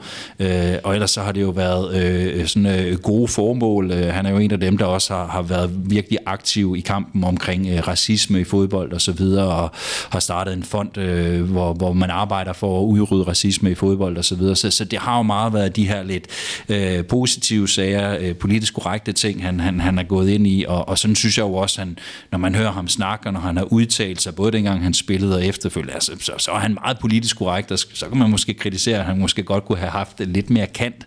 Øh, det kunne han måske godt, øh, og, og tage til trækning af, at der var en lille smule af den her franske arrogance i ham, så, øh, så, kunne, så lagde han måske lidt bånd på sig selv på den måde, det ved jeg ikke. Jeg kan huske, han, han fik lidt... Øh lidt kritik for den her antiracisme-kampagne, han havde med de her armbånd, man kunne få. Man kunne få et, øh, et hvidt og et sort, der hang sammen med, med øh, Kick It Out Racism der. Der fik han lidt kritik for, at det var et samarbejde med Nike, at, at han lavede det, at det blev sådan lidt kommercielt, men der synes jeg også bare, det taler for, at han, han vidste måske, hvordan man kunne få det ud over stepperne i forhold til, at det var Thierry, der stod bag det her, så var det ligesom også i et samarbejde med en så stor øh, sportsgigant, uh, som det nu engang var. Altså, så, så det synes jeg egentlig bare taler for, den positive måde, han også kunne se en måde, hvor at han kunne promovere det bedre på at, at få adresseret et problem frem for, at, at folk ville skyde ham i skoene, at, at det var for den kommercielle værdi, at han gjorde det. Ja, der synes jeg også, jeg kan huske, at han var oppe blandt de, de sådan førende øh, i forhold til, til, til sådan at være global brand, da han var på sit højeste, at han var jo heller ikke øh, bange for at, øh, at bruge sig selv i, altså til, til, hvad skal man sige, både til gode formål, men også til, til at tjene en, øh, en mønt. altså, han var, han var på den måde en, øh, den forgangsmand for mange af de store stjerner, som vi også ser øh, i dag tjene nærmest lige så mange penge uden for fodboldbanen på. Ja, det var også der, hvor det begynder at boome for alvor med ja. at bruge de her sportsudøvere i de her reklamer her. Altså, han har godt nok været med i mange forskellige, også ja. som du siger, hvor han også bruger sig selv. Blandt andet en må, at øh, han i sin egen lejlighed faktisk optaget i sin egen lejlighed, at, øh, hvor han øh, dribler gennem øh, sin egen gang og, og stue og sådan noget, øh, hvor at der er nogle United-spillere, der prøver at jagte ham. Det var der, hvor rivaliseringen mellem ham og United, eller Arsenal og United var på sit højeste. Så der har han ligesom også inviteret et filmhold ind blandt øh, ja, sin egen fire væg for at lave en optagelse der. Han skiftede i 1998 fra Monaco og så til Juventus. Det er jo heller ikke, fordi det er nogen stor succeshistorie, vi skal sådan, øh, have fat i her. Nu har rundet vi det franske landshold, som jo var, det var jo selvfølgelig en succeshistorie, vi skal ikke negligere det her, vel, men, men, øh, men I har ret sådan i, at det er over den, den lange periode en, en, en succesfortælling også om landsholdet, ligesom det var i Arsenal, men måske var der ikke den der slutrunde, hvor han bare brændte igennem. Øh, det kan man heller ikke sige, at han gjorde i Juventus her. Han kom midt på sæsonen. Han var der meget kort tid. Øh, selvfølgelig også et stjernespækket Juventus-hold, ligesom det, det franske landshold i øvrigt. Der var en, blandt andet sin Zidane, som han kendte ganske udmærket derfra. Der var en Deschamps, som også øh, var kollega øh, derfra, og Del Piero og alle mulige andre dygtige spillere på det her tidspunkt. Og øh, det var jo i princippet bare så simpelt, at han ikke kunne spille sig kunne spille sig på, Henri. Der var måske også andre ting, men ja, han siger selv, at man, øh, han, han kæmpede med at tilpasse sig til CA. Han mødte verdensklasse forsvarsspillere hver uge, Øh, og så øh, kæmpede han også lidt med at forstå Lippi og øh, Ancelottis idéer, øh, og øh, havde så et clash, har han så forklaret i den her øh, podcast, som vi tidligere har henvist til, med Luciano Moggi, som øh, vist vil forsøge at lave en lidt skummel handel med øh, at få solgt Henri videre. Og det, det vil han simpelthen ikke være med til. Og, øh, og, og ja, det tror jeg overbevist om, at han så skulle videre i hvert fald. Det blev aldrig lykkeligt, det korte ophold der i Juventus. Men hvis vi skal være lidt hårde, hvis vi skal lege Henri's far, måske i virkeligheden. altså, øh, hvis han har været god nok på det her tidspunkt, ville han så ikke bare være slået igennem på det her hold med verdensstjerner? Jamen, nu har jeg nævnt det rigtig mange gange, det her forhold til Arsene Wenger, og det tror jeg også, at, altså, som du også siger, han havde et clash med, med Lippi også, og, og, altså, og Lippi var jo ikke en, en, en, en træner, som der gav noget individuel frihed på samme måde, som Wenger han endte med at gøre. Altså, og, og, og, og som, så var det måske som angriber, han skulle have slået igennem, men han blev jo også primært brugt som venstre kant i Juventus og i CA, og CA er altså bare en, en, en voldsom støbning der i øh, midt-slut 90'erne også. Altså som du siger, han mødte dygtige forspillere også, mange af dem hver runde i, i Serie A. Altså, det, det var primært Del Piero, øh, men ellers så var det jo nævnt Filippo Inzaghi også, som han skulle konkurrere med, hvis det var angriberposten, men det var heller ikke en position, han aldrig fik øh, muligheden i, og så tænker jeg, at, at Lippis måde at spille fodbold på, måske ikke lige helt øh, bidrog til, at Henri han kunne udfolde sit øh, talent og sin, øh, ja, sine egenskaber. Ja, så var han måske bare ikke god nok på det her tidspunkt. Det var han jo nok ikke. Altså, det var jo også en, man kan sige, det var sådan en meget upoleret kantspiller, der det også var også dengang han kom frem både i Monaco og på det franske landshold og så videre. Så det var, han var jo ikke en færdig bagt fodboldspiller på det her tidspunkt. Og, og, og jeg tror egentlig, den simple forklaring, øh, den er, at øh, jo, vi kan godt lede efter alle mulige med spillestile og øh, takt, taktikken, der har været øh, et issue for ham og så videre, men, men han var bare ikke god nok til at slå igennem på det her Juventus-hold på det her tidspunkt, og øh, så tog han jo så en konsekvens af det. Han kunne jo også være blevet at, at kæmpe for sin sag, men øh, han siger jo, nu nævner du det her øh, øh, øh, møde, han havde med Mochi, som, som gerne vil lave noget lyssky business med ham. Um, han, han siger jo selv efterfølgende, at, at det var simpelthen, det møde det blev afsluttet med, at han simpelthen sagde, jeg kommer aldrig til at spille for Juventus igen. Der besluttede han sig simpelthen for, at han ville væk. Um, så, så, så ja, jeg ved ikke, om det er en dårlig undskyldning, det, det kan det måske godt være, men, men, men altså, den korte forklaring er, at han var simpelthen ikke god nok på det her tidspunkt, og, og på den måde, så gav det jo god mening at komme væk og finde en anden klub, hvor han var sikker på at få spilletid. Og så er der også noget i forhold til destination. Altså, man skal heller ikke underkende London som, som, som, som trækplaster også. Altså, han kommer også til sådan en øh, by i, i Torino, der måske ikke, altså når man kigger på de øh, klubber, han også var efterfølgende efter Arsenal, det var Barcelona, og så også en, en smuttur i New York og sådan noget, så han har også valgt de, de store scener sådan, øh, geografisk også, altså, og så stå som, øh, som 20-årig franskmand i Torino, og måske ikke helt vide, man skulle øh, fordrive tiden med også i et hierarki, som der var øh, lagt op på rigtig tunge italiener. Øh, altså, ja, det kan måske også have en del af årsagen til, at han fandt sig bedre til rette i, i London og deres øh, metropol der. Ja, der var jo også helt sikkert noget med, at han, fordi han ikke kunne spille sig ind på sin favoritposition, eller positioner, så blev han jo også brugt rundt omkring på, på banen i Juventus der. Ikke? Der var noget vingbak blandt andet, og sådan det, det tænker jeg ikke, at det var der, han skulle have gjort den, den store karriere. Så havde vi ikke taget og lavet det her program, tror jeg ikke, hvis han var blevet omskolet til vingbak på det, på det tidspunkt her. Øh, det var vist der, Wenger faktisk på et tidspunkt er ude at se ham spille øh, en kamp for Juventus, hvor, hvor det er som vingbak, og, og møde ham øh, efterfølgende og sige, jamen, hos os og i Arsenal, hvis du kommer derover, så får du chancen som angriber. Og det kunne han jo godt lide selvfølgelig, øh, Thierry. Men han siger også øh, på et tidspunkt, topatleter er svære at leve med, fordi de er utilfredse mennesker. Og følger op med beskrivelsen af Henri som, som utålmodig, også en utålmodig person. Så på den måde kan man måske også sige, okay, et halvt år, så havde han set, det her, det, det kommer ikke til at blive her, at øh, jeg har øh, havde det bedste chance for at, at slå igennem. Det øh, kunne måske være under den tidligere øh, mentor, øh, Wenger, og det, det så han jo ganske rigtigt i, må man sige. Øh, bliver, de, bliver, de bliver igen forenet. Der var selvfølgelig også en masse øh, succesfulde franskmænd i Arsenal, der sådan banede vejen. Hvad tænkte I, da I hørte om, at øh, Arsenal var ved at købe Thierry? Kan I huske det dengang? Altså det var jo, det var jo det omkring, at min interesse begyndte at opstå for Arsenal, så jeg vil sige, jeg sad ikke sådan og, og tjekkede computeren og dengang, fordi at jeg var et glødende Arsenal-fan på daværende tidspunkt. Det var der, hvor min interesse og min kærlighed for klubben begyndte at opstå. Altså, så, øh, så, så jeg har ikke sådan de helt store rendringer om, at, at jeg tænker, wow, det er måske ham, som der i fællesskab med Dennis Bergkamp kan tage Arsenal til det næste øh, niveau. Nej, altså det, det lyder hårdt at sidde og sige det nu, ikke? Men, men, men for mig var det lidt sådan et parentesindkøb på det tidspunkt. Øh, netop fordi, at han, han kom fra et mislykket ophold. Øh, jeg tænkte også på ham som kandspiller, øh, og, og, og jeg kan da godt huske, at Wenger sagde, at øh, nu har vi hentet en angriber ind, men jeg tænkte, ja, ja, det er fint nok, det er en kandspiller, der kommer ind, og, og det er måske en potentiel afløser for Overmars på det lange løb, hvis han kan, kan tage skridtet. Øh, så, så, så det var egentlig ikke noget, der sådan, øh, gjorde større nummer ud af, da, da han kom der i 99. Det kan lyde, øh, ja, det kan lyde vildt at sige det nu. Sådan, Nå, det, det var ikke rigtig noget, vi tog notits af i virkeligheden, at var blev pakket ind. Nej, det, en lille notits, ja, ja, en lille note i avisen Ja, det var jo, stort, det var jo nærmest også i aviserne, man skulle læse om det dengang. Altså, nærmest ikke, vi kunne, vi kunne gå på vores øh, app på telefonen, og så lige få en hurtig opdatering om, at Henri var købt.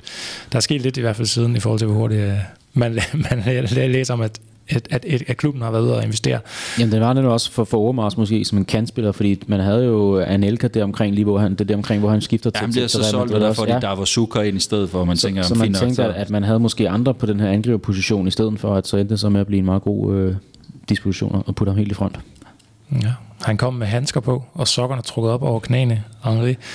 Mange kan nok godt huske det der med, med de høje sokker i hvert fald. Øh, i, ja, I starten var det egentlig rullet han ikke lidt ned i løbet af karrieren, eller, eller forblev de høje?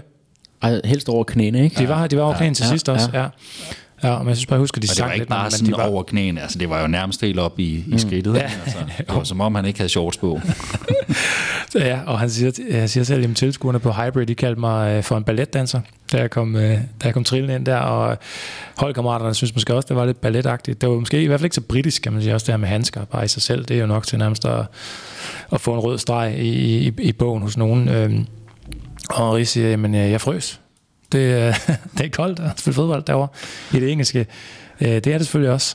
Hvordan husker I det, at han introducerede sig selv i, i England? Øh, altså noget, I bed i mærke i, at han sådan virkede som et, øh, et fremmedleme, der, der, der surfede rundt Altså jeg husker, jamen jeg husker meget det her med sokkerne, for jeg kan huske, det irriterede mig faktisk også ja. lidt. Altså, altså dengang, øh, det, det er jo ved at være nogle år siden nu, ikke? det er ved at være 20 år siden, øh, altså der var engelsk fodbold jo stadigvæk også præget af, at der, der skulle tingene, der skulle fightes igennem, og der måtte godt takles lidt i knæhøjde og, og, og de her ting. Og, og, og jeg kan huske, jeg blev også irriteret over at se den her øh, franske spiller, også fordi at, at han var jo heller ikke fantastisk øh, sådan det, det, det første halve års tid, da han var der. Øh, så, så det var også sådan en ting, der, der irriterede mig, og det var, det var også noget af det, som jeg sådan blev mærke i, det her med, med sokkerne. Og nu sagde du tidligere det her med, at han, han kunne godt blive sparket ned, og så rejste han sig op igen. Det, det synes jeg faktisk ikke rigtigt, at han kunne i starten. Der, der var også meget omkring at, at ligge ned, øh, når han blev sparket ned, og det, det tog ham også lige lidt, lidt tid at, at lære det her med, at, at der blev altså gået lidt mere til stålet i England, og når man blev sparket ned, jamen, øh, så var det sådan, det var, så rejste man sig op, og så spillede man videre.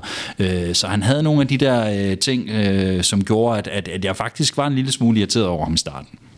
Jamen det er måske også med til historien om hans, hans udvikling, sådan også mentalt, det der med, at han, øh, han kunne godt lægge lidt for lang tid ned i starten, og skulle lige vende sig til den her hårdhændede. Ja, og slå lidt ud med armen. Ja, ja, ja, det, men, det, det var der også, ikke? Men i, i takt med, at hans aura og hans, øh, hans profil, den voksede så større og større, så, så kunne han måske ikke tillade sig at gøre det på samme måde. Det tænkte han i hvert fald, at han måske ikke kunne tillade sig, så, så var det, at han begyndte at lægge det på hylden også. Men, men det var jo sådan lidt, historien om det uforløste til at starte med, altså hvor man tænkte, Nå, er det måske bare en, en, en lotto-kupon, man har købt fra Juventus, og så ender man med ikke at kan indløse den. For der gik jo også, var det 7-8 kampe, før han scorede sit første mål også, og så som Tu også nævner, at det første halvår er ikke prangende. Det er heller ikke fordi, at når han først får, får hul på bylden ved det første mål, at han så bare ender med at, at score de næste mange kampe videre hen. Altså det første halve år var en reel mulighed for, at han, altså jeg tænker, havde han præsteret i, øh, i nutidens fodbold efter et halvt år med den øh, check, som det nu var engang, som Arsenal har kastet efter ham der, så kunne han måske også godt have været på tale til, at han havde skulle skibes afsted øh, øh, i det her januarvindue, der kom. Altså, at, at, at der var måske lidt mere tålmodighed dengang i 99, end der har været, hvis vi har snakket 2019-2020, at, at så kan han måske godt have været med far for, for at blive skibet afsted allerede øh, efter et halvt år. Ja, så kan jeg huske, at han sad faktisk en del på bænken til at starte med, og det, det, det kunne ikke lige huske sådan, øh, til at starte med, da, da du inviterede mig ind her, Adam, og, og, og jeg sådan satte mig ned øh, en aften og, og begyndte sådan at, at tænke lidt tilbage over hans karriere i Arsenal og så videre. Og så, så på et tidspunkt så slog det mig sådan, at gud, han sad egentlig på bænken øh, i, i starten, fordi når jeg tænker tilbage på, på Henri's tid i Arsenal, så, så spillede han altid, så sad han aldrig på bænken. Han var den første mand på holdkortet, men, men han sad jo faktisk en del på bænken også, og det, det er også noget, det jeg husker fra, fra hans start i Arsenal. Ja, han var, alle, alle begyndelser er svære, og han var kommet ind på et rigtig, rigtig godt hold, som I siger, han, altså Anelka havde lige scoret en masse mål, som øh, man, man, måske håbede, at man, man ville se det samme fra Henri, og han kæmpede med bergkamp med Overmars, øh, netop ankommende Suker og Kanu og så videre. Ikke? Så der var rigtig mange dygtige offensive folk. Så var der nogle hårde defensive folk, som også øh, var med til at lære ham nogle af de her ting, som, øh, ja, hvor man måske så den der mentalitetsændring undervejs af folk som Martin Kiron og Tony Adams og Lee Dixon. Øh, de fik ham sådan til at, til at forstå, hvad det vil sige at, at spille i England. Øh, det var sådan, at når han tabte en, en bold i det 95-20 minut, måske fordi han var lidt for langsom i sin boldomgang, eller, eller holdt for længe på den, og modstanderen så løb ned og, og scorede, og fik straffet, øh, straffet det, jamen så øh, fortæller han Rigs selv, jamen efter kampen, der var, der var ikke nogen i omklædningsrummet, der sagde noget til ham øh, lige der med det samme. Øh, men om mandagen, så er vi tilbage til det her med de røde streger i, i bogen, så var det med taklinger øh, i knæhøjde og albuer i ansigtet. Lad være med at smide bolden væk næste gang smart fyr op foran. Og det var med til at ændre hans, øh, ligesom hans mentalitet, og, og hvor han forstod, hvad det handlede om, og, at spille i England med de her hårde, hårde gutter. Der var også nogle der var meget gode lærermestre, kan man sige. Ja, ja og aldrig lige efter kampen, for der skulle de skynde sig hen på pop. ikke? Så det blev først om mandagen. Der havde Adams et bord. ja. Helt sikkert. Så var der tømmermænd om, øh, om søndagen, så var de godt øh, gnævende om mandagen. Ja, øh, og det er først, ja det er rigtigt, det er nogle kampe inde i karrieren her, øh, i Arsenal-tiden, at han får scoret det en udkamp mod Southampton, at det første mål øh, kommer. Og efter den kamp, der kommer netop Martin Kieron så hen til ham og siger, øh, jeg kommer til at fortælle mine børn om det faktum, at jeg har spillet sammen med dig. Det er lidt et pres, synes jeg, at få, at, at få lagt på sig for sådan en ung øh, gut, der er en af de gamle lige pludselig altså går i, i, i den, øh, en helt anden boldgade. Men øh, så var han ligesom, øh, så var det ligesom, det kan være, han ikke tur andet, end at, at score, ikke? fordi så var presset der. Øh, og i, i løbet af første sæson er det jo nærmest allerede, at han får, eller det er det, at han får overbevist Wenger om, at han skal starte hver gang, så vi ikke har de her, eller, eller der er en grund til, at vi ikke kan huske, at han sad derude på bænken, fordi det var jo ikke så længe. Han havde jo en ret god øh, ja, ja, han havde første sæson. en fin første sæson. Jeg tror, han scorede 17 mål i Premier League, står der på min papir her. Så scorer han faktisk 8 mål i, i de europæiske kampe, så, så, så der er han god. Det siger måske også lidt om, at han lige skulle vende sig til Premier League og måden, der blev spillet på der, mens de europæiske kampe, den her kontinentale spillestil, måske øh, stadigvæk lå øh, lidt mere til ham på det her tidspunkt. Så, så, så på den måde er det jo en mere end godkendt første sæson, han i virkeligheden har. Det, det tog selvfølgelig bare lidt tid, og vi er jo altid utålmodige. Det var vi også dengang. Øh, vi er kun blevet endnu mere utålmodige som fodboldfan siden, men, øh, men selv dengang for 20 år siden, der, der var der altså også en snært af det. Ja, det kan også være i takt med, at, at graderne begynder at stige lidt på de britiske baner derovre, altså fra, fra marts og frem efter de sidste syv kampe, der laver han en ni mål og, og slukker øh, sæsonen af med at score de sidste syv kampe i sæsonen, altså så, så der begyndte han ligesom at sætte sit aftryk på Arsenal-holdet, og derfra så så han så sådan ikke rigtig tilbage. Nej, det tog tre måneder at vende sig til Premier League, siger han selv, og det har han egentlig meget godt ret i, når øh, vi så ser det her også i sin anden sæson. Øh, der, allerede der er han jo nærmest, om ikke den øh, ubestridte stjerne, så er han i hvert fald allerede en af dem. Han bliver ligatopscorer i, i Premier League med 32 mål. Han vinder uh, the double uh, med det her Arsenal-mandskab, og uh, ja, han og Dennis Bergkamp, som vi var inde på i starten af udsendelsen, danner en fænomenal duo. De har i hvert fald en rigtig, rigtig god indbyrdes forståelse. Det er ofte dem, der finder hinanden. Han siger, øh, Henri, at jeg havde fået overbevist Bergkamp om, at han godt kunne, kunne låne mig nøglerne til butikken. Og øh, så spillede det ellers bare, bare derfra. Hvordan husker I den her due? Jamen, jeg husker, altså fordi den sæson, der så klares for mig, det er Invincible-sæson, og der husker jeg, at der er Dennis Bergkamp lidt på retræten. Øhm, så jeg husker selvfølgelig deres samarbejde også, altså man har også hørt i interviewen efterfølgende sige, at, at de var øh, på bølgelængde fra stort set første gang, de, de trådte på banen sammen. Altså de havde en indbyrdes forståelse, og de havde noget af det her uniqueness over sig. Øhm, så så jeg, jeg husker den der telepatiske evne til at altid kunne finde hinanden også. Øhm, men jeg husker også, at det var mere og mere Henri, altså som du siger, øh, sådan et meget godt billede på det, at det var ham, der, der fik overdraget nøglerne fra Dennis Bergkamp. Så der var også sådan en, en periode gradvist fra sæson til sæson, hvor at det var mere og mere ansvar, der blev skubbet over til Henri, frem for, for Bergkamp, der havde trukket læsset, inden øh, øh Henri også kom til. Men det er måske i virkeligheden den her 0-1-0-2, altså en ris tredje sæson i, i Arsenal, hvor, hvor det klikker mest, og hvor de også øh, vinder mesterskabet. Og, og de gør jo bare hinanden bedre i den sæson, og jeg tror også, Henri har sagt et par gange, at, at i starten, da han kom til klubben, jamen, der var det bagkamp, der var manden, og det var, det var ligesom ham, der bestemte, og han var, han var lederen øh, spillemæssigt på banen.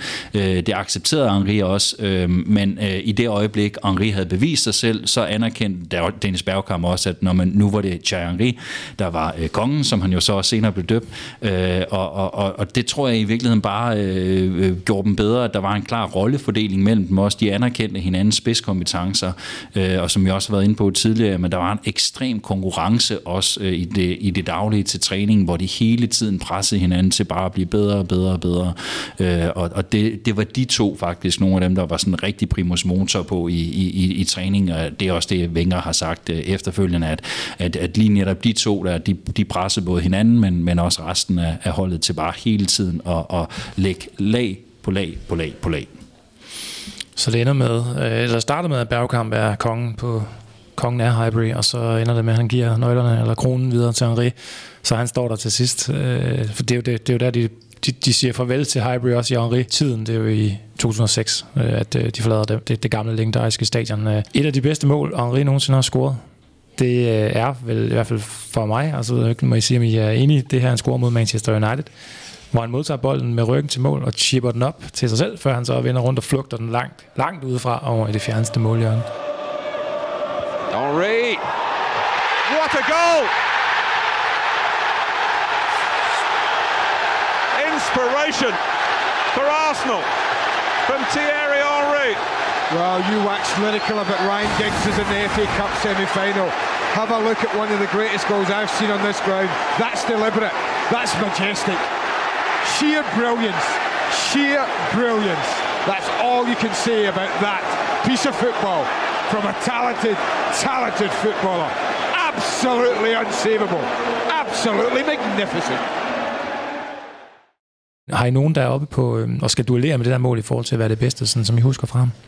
Ah, det er et meget godt sted at starte, vil jeg sige. Det er godt sted. Også fordi, Kommer ind på top 3. også fordi at, at det var i en, i en helt unik rivalisering mellem Manchester United i de år. Altså det, det er virkelig nogle fede kampe, hvis man går tilbage og ikke ved, hvad man skal bruge en søndag på. Så skal man bare kigge på nogle af de kampe der omkring øh, årtusindskiftet. Det var virkelig nogle fede kampe mellem to helt unikke hold.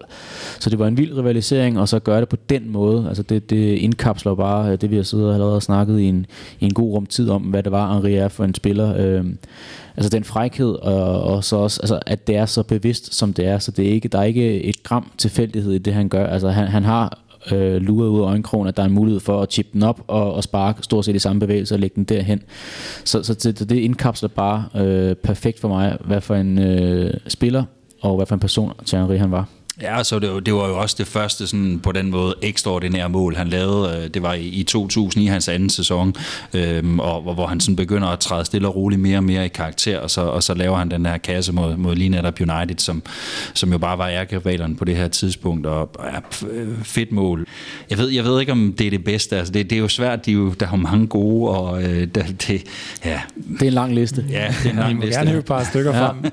Der skal nok sidde masser af Arsenal-fans derude, der ikke kan genkende det. Og jeg tænker også, fordi Charlton, det er ikke rigtig noget, der, der, der vækker så meget i måske øh, folk, der kun har begyndt med at se fodbold her de seneste par år. Men han laver et mål på et tidspunkt, hvor at, øh, at han får bolden ind i feltet med ryggen til mål, hvor at, øh, Jonathan Fortune han er klister. Altså, jeg tror, han er inde under Henris trøje, så tæt på ham han, fordi han har virkelig fået til opgave at få at vide, Uh, uh, jeg tror, det er det Alan Kirbysley, der er træner på det tidspunkt i, i Charlton, så han, han har bare øh, helt sikkert fået at vide, du giver ham ikke en millimeter, så han har simpelthen kravlet ind under trøjen på Henri, og han står på kanten af det lille felt helt ude i den ene side, og så, øh, ja, der er ikke andre måder at afslutte på end bare med hælen, så han har slået bare med hælen gennem benene på øh, Jonathan Fortune, og så ind bag øh, Charlton keeper, så, så det er også en helt unik mål for mig at sige, som jeg også sagde indledningsvis, altså Henri han fik fodbold til at se let ud, og det gjorde han også bare i den sekvens der, fordi det er, der, der, er ingen, der er ingen muligheder for at afslutte mod mål, men han gør det bare med hælen gennem benene på forsvaren, og så, øh, så er det også en måde at score på. Ja, mod øh, Tottenham øh, 2002, hvor han... Øh, Laudrup Messi, altså ja. Ja, altså er helt nede på midten af egen banehalvdel og tager bolden, og så tager han ellers bare solorittet hele vejen op.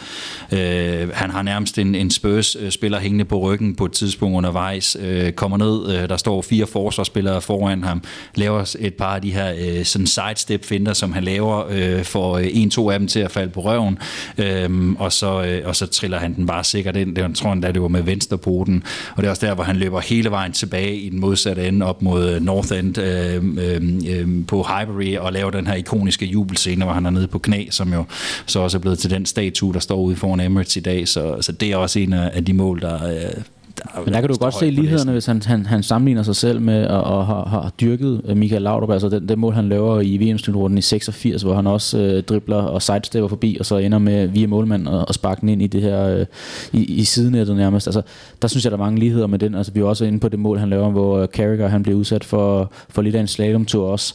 Jeg husker også nogle mål i Champions League, blandt andet, hvor han fuldkommen indtager Olympico i Rom i en sæson, hvor han laver hat dernede, hvor Arsenal de besejrer Roma, et rigtig godt Roma-hold med 3 på den tid, øh, på det tidspunkt, hvor han altså fuldkommen tager så sagen i egen hånd, og så også en kamp mod, øh, mod Inter, hvor de vinder 5-1 efter de er blevet rundbarberet i den første kamp på Highbury, hvor et uh, øh, Oberfilm Martins og et par af de andre Inter spiller, de vinder 3-0 der, så de, de, de er pisket til at tage til Inter for at vinde, og så gør man det med 5-1. Øh, en kamp, hvor han er involveret i alle fem mål, tror jeg, hvor han blandt andet uh, modtager bolden omkring banens midte, ned mod uh, Zanetti og uh, Materazzi, går fuldkommen ned i, uh, i fart, uh, og så er det så Javier Zanetti, han, uh, han, han fuldkommen fanger, og så sparker han bare over et lange øh, hjørne med, med venstrebenet, flat forbi Francesco Toldo. Så det er heller ikke, det, det er også mod nogle store forspillere, det er mod nogle store keeper, han gør det. Altså det, det, det er nogle ikoniske scoringer, synes jeg, han har lavet. Ja, og, den der mod Zanetti, der, der leger han jo med Zanetti. Det var måske et af de der eksempler, hvor han faktisk næsten er ved at ydmyge modstanderen. På ja, men så er det okay, fordi det fører til en scoring. Jo, jo ja, jamen, det er rigtigt, det gør det jo ikke, men han går helt, helt ned i fart, og Zanetti er jo bare verdensklasse forsvarsspiller på det her tidspunkt, og han ved bare, at jeg kan tørre ham, så jeg går da bare ned i fart her, og så tager han lige uh, turen forbi ham og sparker den ind fra en spidsvinkel. Han laver også, øh, du tror også, du nævnte det tidligere, Kenneth, øh, i Champions League mod Real Madrid, ja, ja. hvor han også tager den en, en, en, en, en halv banelængde, og øh, Guti øh, forsøger at, at fælde ham op til flere gange, og han rammer sig også nærmest på ryggen af ham, og, og falder på røven til sidst. Altså, altså, som den største selvfølgelighed i verden, så tager han bare fat i bolden, dribler ned og dribler en 3-4 mand, og så sparker han den bare ind øh, fuldstændig sikkert, og så ja, så, og det, og det, er jo faktisk ikke, det er jo faktisk ikke i fuld fart, han gør det. Det er bare altså perfekt skoleeksempel på, hvor, hvornår man skal træffe de rigtige valg undervejs i sådan en slalomtur, fordi at det, han er ikke oppe og, og løbe på 100% altså af sin accelerationsevne. Det, det er sådan, nej, nej, han er hele tiden op og ned i tempo. Hele tiden ikke? perfekt afvejet, hvornår øh, stopper jeg lidt op, hvornår øh, skruer jeg lidt på tempoet, hvornår drejer jeg venstre, hvornår drejer jeg højre om. Altså, og så er det bare sådan, ja, det var en 17-årig Cesc Fabregas dengang, tror jeg, han havde som legekammerat, og de to, de dominerede bare Bernabeu mod øh, altså et virkelig godt Real Madrid-hold i, i den der Galactico-ære der. Så, så, så det er nogle ikoniske scoringer i Champions League, og når vi siger Champions League og Thierry så kan man selvfølgelig ikke øh, komme udenom den der lille hage, der er ved, at han... altså, jeg, jeg, jeg gruer stadigvæk for det øjeblik i Paris i den her Champions League-final mod, øh, mod Barcelona, hvor man ender med at tabe med 2-1 øh, for udvist Jens Lehmann i øh, åbningsfasen af opgøret. Øh, Robert Pires, hans sidste kamp ryger sig ud. Så scorer Saul Campbell på et frispark, slået af Henri lige ind i hovedet på Saul Campbell, så har han, den her, han har faktisk to muligheder undervejs i den her Champions League-finale i 2006. Havde han scoret bare en af dem, så havde Arsenal været op foran 2-0, og så har de altså været gode nok til at forsvare den føring. Jeg kan ikke også med mente med, hvor vi er henne nu, Arsenal. Øh, jeg kan ikke være med at tænke på, hvor havde Arsenal været henne den dag i dag, hvis Arsenal havde vundet Champions League tilbage i 2006. Ja, det er rigtigt. Han har både en ved 0-0 og hvor de foran øh, 1-0, hvor han har en mere eller mindre friløber, ikke, som han sparker lige på. Øh, Valdez var det, der stod der engang. Ja, ja. ja det er nogle af de knap så, så, så mindeværdige. Jo, de er mindeværdige, men nej, det ved jeg ikke, om det er, men øh, knap så sjove øjeblikke med Henri for, for jer selvfølgelig, som Arsenal-folk også. Han vandt jo personligt selv. Han fik jo Champions League under, under bæltet med Barcelona. Men, øh, jeg kan huske, at min mor kom ind. Øh, jeg var 20 år på det tidspunkt, boede lige stadig omkring hjemme. Øh, det var lige på nippet til at flytte hjemmefra. Jeg skulle måske have flyttet hjemmefra, fordi jeg var ikke øh, meget værd den aften, at hun kom ind. med pokker var det, der skete? Jeg sad simpelthen bare tude, brølet i min, i min seng, da, da Almunia han bliver passeret to gange inden for det sidste kvarters tid. Der. Jeg er også sikker på, at Jens Lehmann har taget nogle af de, nogle af de afslutninger, men det, det er en helt anden sag.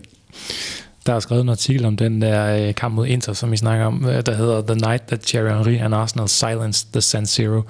Øh, og det fortæller meget godt øh, historien. Øh, Henry scorer selv to af de her mål, og Zanetti var jo en af verdens bedste forsvarsspillere, som jeg også siger. Øh, vi har lavet en Legends udsendelse omkring Javier Zanetti i øvrigt, som man, jeg synes, man skal tjekke ud. Øh, så det, det, det fortæller også bare lidt om, det var et af de helt store ikoniske Henri-øjeblikker, I har været inde på, på en masse af målene. Er der andre, øh, andre kampe? Hvor, og jeg har, jeg har faktisk også sådan en, en live-oplevelse også med Henri, hvor, ja. at, hvor at, uh, at jeg også bare sådan, uh, tog mig selv i næsten ikke at trække vejret nogle gange undervejs, fordi at der, der kunne man lige virkelig opleve, om det var også på Highbury. Jeg er virkelig glad for, at jeg nåede at få den oplevelse på Highbury, en kamp mod, mod Liverpool tilbage i marts 2006, og det var lige inden Highbury lukkede, altså så den dag i dag kan jeg godt uh, prise mig lykkelig for, at jeg også lige nåede at få den oplevelse med, men det var med en, med en Liverpool-ven, uh, skulle fejre min, min fødselsdag over i starten af marts måned.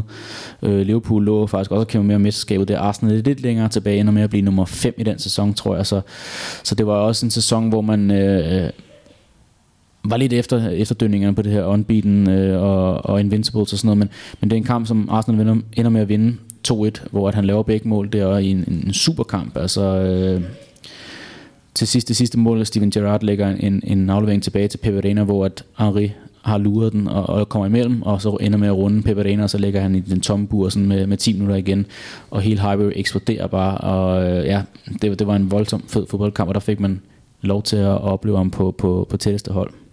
Jeg havde også en, en god oplevelse med øh, en, øh, en kamp mod Leeds i øh, 2003-2004 sæsonen, som jo stadigvæk er den her øh, ikoniske sæson, hvor han scorer øh, fire mål i en, øh, i en 5-0 sejr, og hvor man bare kan se til sidst, øh, altså det sidste mål, der løber han, det er igen den her, det er jo lige før det også er ved at blive sådan en klassisk Henri-mål, det her med at modtage bolden helt ned på egen banehalvdel, og så løber han bare fra hele Leeds forsvaret. Så han er jo ved at falde i afslutningen, men fordi han bare havde den her fantastiske balance alligevel, til trods for den her enorme fart han havde, så sparker han bare ind alligevel. Og man kunne bare se på de her leadspillere, at de bare tænkte, oh, altså, ja, det er jo lige meget, hvad vi gør. Altså, altså, øh, undskyld mig, men, men det ligner nogle spillere, der var klar til at stoppe med at spille fodbold, efter de var blevet maltrakteret af Thierry Henry. Han laver også en panenka på straffespark i den her kamp og scorer fire mål, så, så det var også en af dem, jeg sådan kan huske. Og så, vi snakkede om det faktisk, inden vi, vi, vi satte mikrofonerne her til. Øhm, det sidste opgør, der blev spillet på Highbury, øh, som jo var hans stadion, der går han altså også ud med at lave hat i den kamp. Øh, scorer de sidste mål øh, på straffespark øh, sikkert og øh, knæler øh, foran med publikum ind i straffesparksfeltet og kysser plænen. Og, og det er også sådan et af de, øh, de øjeblikke, der kan give lidt gåsehud.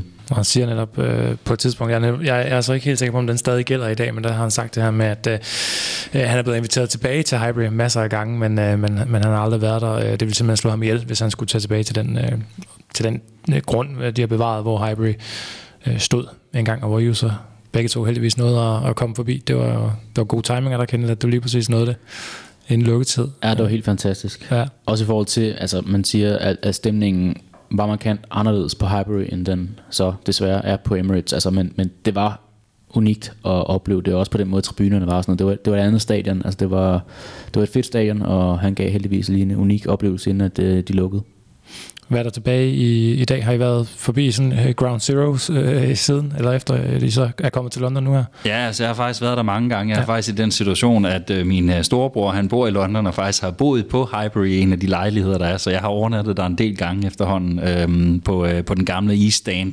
Øhm, så, så begge, hvad kan man sige, sidetribunerne er sådan set bevaret, som de var, så er der bare bygget lejligheder derinde. Jeg tror, at endetribunerne er, er, er, er vist revet ned, og, og så er der blevet genopført nye lejligheder, men, men det er jo ligesom lavet som sådan et et boligkompleks, hvor, hvor du har fire sider med, med de fire tribuner, der nu var på, på Highbury, og så har man lavet et, et parkområde inde i, i midten, hvor, hvor banen den var, og man, der står også en bænk, og der er en platte, og der er nogle forskellige ting, øh, som, øh, som minder øh, de folk, som måtte komme forbi der om, at, øh, at, at det var der Highbury det lå. Så, så, øh, altså, så øh, en fed måde egentlig at udnytte et, et gammelt stadion på, og, og det, er, det er stadig fedt øh, at komme dertil øh, og gå ind fra, fra siden, når man kommer ind fra den her ikoniske hvide med hvide øh, kæmpe bygning med, med East Stand, og så, hvor der står Arsenal Football Club, det står der stadigvæk med, med rød skrift, og, og, og det, det er røde vinduer, der er bevaret også ud til den side af vejen, så, øh, så, øh, så det er meget sjovt egentlig at komme tilbage også, men jeg kan da godt forstå, hvorfor Thierry Henry ikke vil tilbage, og ikke vil ødelægge de minder, han har på en eller anden måde. Øh, det, det kan jeg egentlig meget godt lide, så, så jeg håber næsten ikke, han har været tilbage. Jeg ved det faktisk heller ikke. Dyre lejligheder, kunne jeg forestille mig. Ja, de boede til leje, så... Ja, okay. Ja, det lyder meget godt at kunne sige, at man bor på det gamle Highbury. Hvis han så også er Arsenal-mand, har du fået ham prøvet det? Han er ikke det mindste interesseret i fodbold. fodbold. Ja, det var mig, der måtte fortælle ham øh, okay. alle de ting, der, der var i spil der. Hvor han så, boede nærmest. Ja, ja. ja. Okay, Nå, men det er, det er en stærk historie. Øhm, vi skal også bare lige runde det der med, at Henri bliver, faktisk bliver anfører øh, på et tidspunkt i Arsenal, da Patrick Vieira tager til Italien og øh, gør det med lidt større succes end øh, Henri selv. Men øh, ja, han høster priser, bliver, bliver topscorer nogle gange, bliver årets spiller i Premier League øh, og, og, og overtager jo så det her anførerværv, selvom jeg jo sådan umiddelbart ikke tænker ham ind som en oplagt anfører.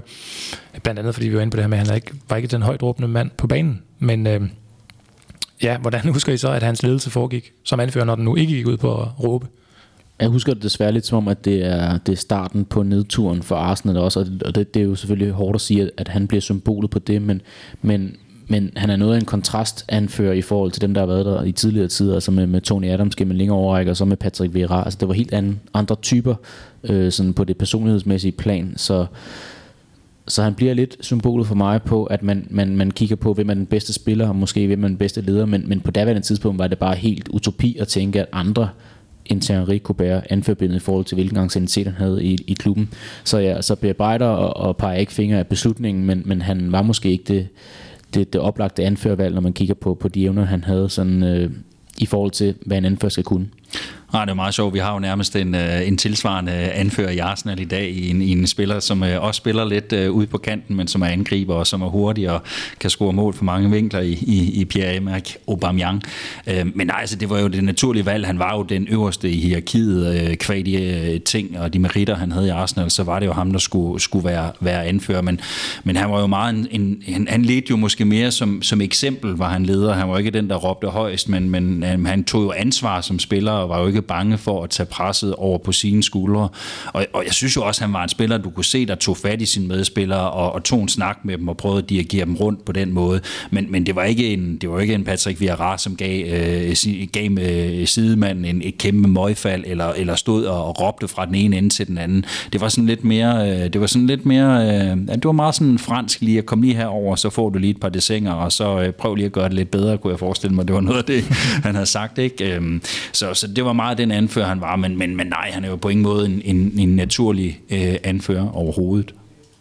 Begyndelsen til enden, siger øh, Kenneth her, da, da han egentlig får det her anfører bind. Han slutter jo lige af med at blive øh, topscorer i Premier League igen i 2006, det år, der hvor de taber Champions League-finalen øh, til Barcelona i Paris ovenikøbet, som vi har været inde på. Og Invincibles-holdet jo efterhånden også, spillerne der begynder at blive øh, ældre, og holdet øh, falder sådan stille og roligt. Øh, hvordan husker I sådan, øh, øh, afviklingen af Henri i Arsenal i mangel på bedre formulering? Altså, jeg har faktisk meget øh, lidt erindring om hans sidste sæson i Arsenal, og det, det er måske meget sigende, at det, det var, øh, det, det var på, på bagkant af den her Champions League-finale, og det var ligesom æraen omkring øh, den storhedsperiode, Arsenal øh, havde, der, der sluttede med den der Champions League-finale, og på samme måde var det måske også lidt for, for Thierry Henry. Han var også en del skadet i sin sidste sæson, han spillede ikke helt så meget, så, så, så det fadede egentlig en, et, på en eller anden måde sådan meget naturligt ud med, at, at Arsenal de begyndte at, at, at gå nedad, øhm, så gjorde Thierry Henry lidt det samme. Om det så var på grund af, at Arsenal også gjorde det, eller det, det også var, fordi han måske på en eller anden måde havde nået en alder og ligesom var peaked, det, det, det, det ved jeg faktisk ikke. Det har du måske et bedre bud på, Kenneth? Nej, jeg tror egentlig, de går meget godt hånd i hånd. Øhm, som du siger også, han, han, han begyndte at få de her skader, som han gjorde, han kun spiller 17 kampe i sin sidste sæson, så, så jeg synes egentlig også, det var en lidt naturlig udvikling i det, at, at man har opnået det her, øh, selvfølgelig med, med peaket med Invincibles, skulle det lige have været have prikken over med den her Champions League trofæ, altså så, øh, men, men men mange af de andre spillere begynder enten på grund af alderen at, at falde fra, eller begynder også at blive solgt øh, ud. Altså Patrick Vieira øh, mm. valgte også en, en større penge øh, i, i det italienske. Robert Perez forsvandt væk også, og sådan noget. Så, så, så sådan helt fundamentet på det her øh, hold, og, og ganske naturligt, som man også ser det andre steder, altså når, når, når en klub begynder at opnå noget gennem en længere overrække, så begynder det at falde fra, og så begynder man måske helt naturligt at bygge op igen. Og så var det jo naturligt, at han også på en eller anden måde skulle væk derfra, før man kunne bygge øh, forfra helt for alvor. Der var også begyndt at komme nogle andre typer ind. Fabregas var, var kommet ind på det her tidspunkt, som, som spillede på en, på en lidt en anden måde. Det var knap så, så dynamisk og, øh, og, og så hurtigt, som det var i, i, i startnullerne. Det, det var mere det her, som vi jo så sidenhen øh, har kaldt Wengerball, ikke? Det her meget, øh, meget masser af pasninger, øh, kombinationsspil i små rum og så videre. Det var måske i virkeligheden heller ikke det, der passede Thierry Henry særlig godt. Og han fik jo i 2011, i forbindelse med klubbens øh, 125 års jubilæum, så sin egen øh, statue uden for det stadion, Arsenal spiller på i dag, Emirates, i, i, af god grund, ville det virkelig lidt, uh, lidt dumt, hvis han stod ude for en hybrid, selvom det måske havde været mere passende, når, når det nu er Henri. Der var i hvert fald ikke så mange, der lige ville komme forbi og se den der, udover uh, Tules bror, men uh, altså, um, det er jo en statue, hvor han kommer, han kommer glidende netop i den her måljubel, uh, og ser rigtig cool ud, og han ser, han ser, han ser utrolig stærk ud, synes jeg. Det er jo selvfølgelig også der, man skal mindes ham øh, som Arsenal-mand, at, at det er jo ikke den der 07, eller 2007 uh, øh, farvelet og så videre, at, øh, at man skal huske ham. Hvad synes I om, at den statue, der er blevet lavet, som jo så efterhånden er en 8-9 år gammel.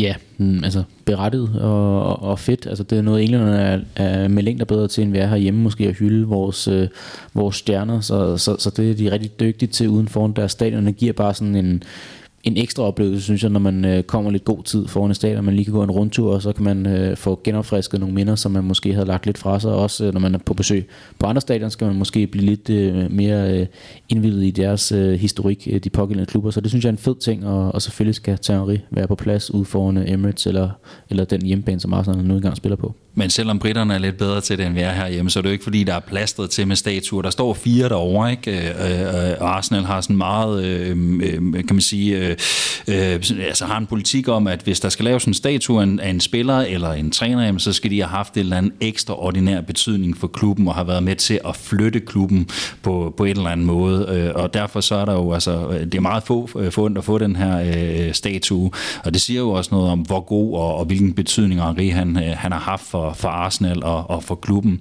Øhm, og at det så lige blev, blev den her jubelscene, øh, har måske også noget at gøre med, at det var mod Tottenham. Det, det tror jeg ikke øh, gør noget for, for os Arsenal-fans, at, at det lige præcis er, er, er jublen, øh, der på den måde er blevet, øh, blevet hvad hedder sådan noget, står der nu for evig tid, og man kan se den foran, foran stadion over.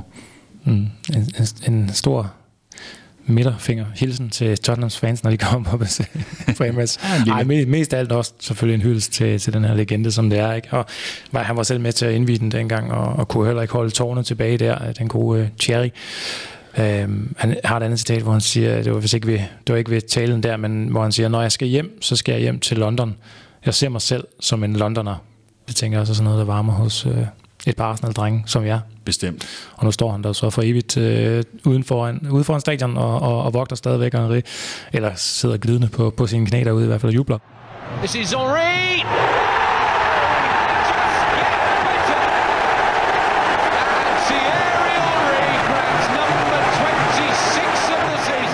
Henri skips around ball. Henri! His sheer quality. It's world class. Henri. Still Henri. The opposition just melted away from him. What a magnificent strike by Thierry Henry. Arsenal are level, and there was only one man who was going to score it. Vi skal have ham sendt til Barcelona her, fordi efter den der lidt skadesplade sæson, som I siger, øh, hos Arsenal den sidste af slagsen, der bliver han købt af Barcelona, og igen er det jo sådan lidt måske samme historie som Juventus, at der bliver han i hvert fald ikke stjernen, der kommer til. Han var en af mange, og øh, ja, der var også dengang en ret god spiller ved navn Lionel Messi, men øh, han tog udfordringen op, Henri. Øh, han, havde, øh, han, havde fået, han havde haft en snak med Frank Rijkaard, der fortalte ham, at øh, du kan godt komme, men du kommer ikke til at blive starter på mit hold. Han skulle egentlig være kommet året forinden, men øh, skiftet blev blev udsat, og Rikard siger så, at det er jo sådan her situationen er. Det er Ronaldinho ud til venstre, det er to i midten, og det er Messi ud til højre. Jamen, øh, fint, siger Henri så, og tager til Barcelona. Hvad fortæller det, synes jeg, om Henri, at øh, han ikke blev i Arsenal på det her tidspunkt? Han er også ligesom så mange af de andre Invincibles der forlader øh, skuden. Jamen, det siger mig, at han, havde nogle ambitioner om øh, for eksempel at vinde Champions League, og jeg tror godt, han vidste på det tidspunkt, at det ville han ikke komme til i Arsenal. Så hvis øh, han skulle have det trofæ med, øh, med i samlingen, så skulle han øh, til en anden klub, og, og ja, på det tidspunkt var det også Barcelona, man tog til, hvis man ville vinde Champions League. Ikke? Så, så, så, så det siger mig, at det var simpelthen, fordi han havde en ambition om at, om at vinde det her trofæ og, og, og være en del af det, at øh, det var simpelthen grunden til, at han tog til, til Barcelona. Og jeg tror egentlig også, øh, nu ved jeg godt, at han har sagt øh, op til flere gange, at han også øh, var sikker på, at han nok skulle tilspille sig en plads på det her hold. Men jeg tror egentlig også, at han har accepteret en rolle, hvor, hvor han måske ville have spillet en, en lidt mere perifær rolle, også bare for at være en del af af at vinde det her trofæ. Ja, igen sådan lidt af det her selverkendelse, at han måske godt vidste, at, at han var over sin aller, allerbedste dage, og han godt kunne indfinde sig med at spille en uh, lidt mere perifær rolle på det Barcelona-mandskab. Han er så, også 30 år på det her tidspunkt, ja, ja, men, han tager skiftet, ikke? Og, og, og kommer fra, ja, måske ikke 12, men, men, men en skadespladet sæson, sæsonen for inden, så han var godt klar over, at, at han skulle måske øh, steppe en gang ned personligt for at indfri sine forventninger på sådan øh, lidt mere klub- og, og trofæbaseret øh, basis.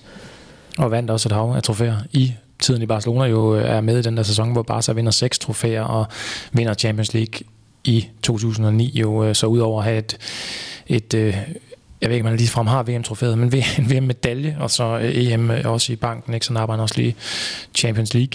Øh, man sagde jo i Barcelona, at han skulle være kommet til øh, lidt tidligere, og efter planen skulle han så også være kommet året før, men de ville have ønsket, at de havde haft Henri, hvor han øh, var i Arsenal.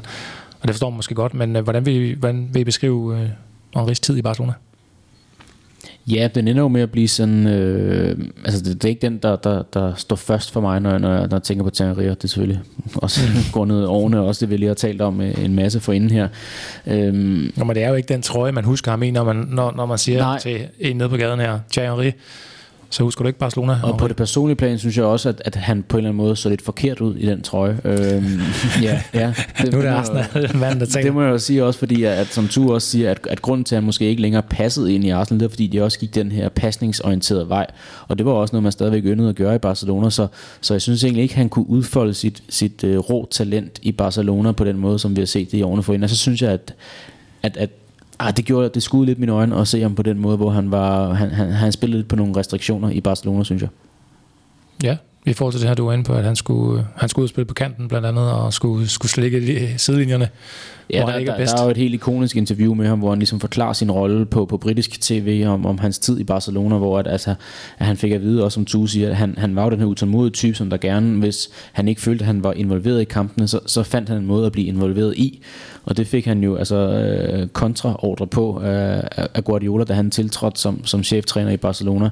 Altså at han skulle for alt i verden ikke være involveret i kampene på samme måde, som man var i Arsenal, og, og det synes jeg jo bare endte med at, at, at, at, at mindske hans rolle og hans, øh, hans vigtighed på, på Barcelona-holdet. Selvfølgelig også som vi på, at der, der var andre, som der stod foran i hierarkiet, men, men, men jeg synes ikke, man, man, man spillede ham på den måde, han er bedst.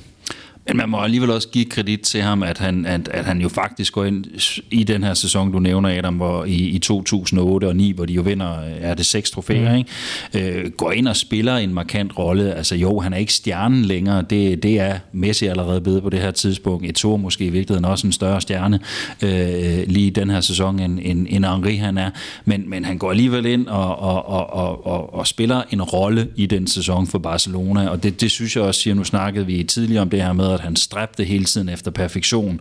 Han havde hele tiden ambitionen om at være en, der var afgørende øh, for sit hold og, og kunne bidrage med noget, som var med til at, at, at gøre en forskel på sit hold. Og det synes jeg jo faktisk, han formåede at gøre, i, i hvert fald i den der ene sæson. Så han en svær første sæson. Han fældte fuldstændig ud i den sidste sæson, han var der. Men, men lige den her sæson, hvor Barcelona var ekstremt gode og, og det bedste hold måske i verden på det her tidspunkt, der synes jeg faktisk, han gik ind og var med til at spille en, en rolle. Og det, det synes jeg også siger noget om, hvor god han var. Ikke? Ja, og også hvor kløgtig han var. Altså, også, ja. han, stræb, han, han stræbte efter det, det, det perfekte, og også han, han var villig til at indordne sig, altså som i stærk kontrast til en, der så kom til Barcelona øh, ja, næsten 10 år senere, så Neymar, han, han, han valgte jo ikke at gøre det på den måde, som Henri endte med at gøre det, altså, og, og indordne sig måden Barcelona ville spille på, og han også havde en anden plads i hierarkiet, end han måske havde været vant til tidligere. Så, så det tæller også med til, at han, han, han er en intelligent øh, herre både på og uden for banen, og, og det, det synes jeg også, vi fik set i, i Barcelona, som Tour også siger. I 8-9 sæsonen i Barcelona laver han øh, 10 oplæg til mål og 26 mål selv.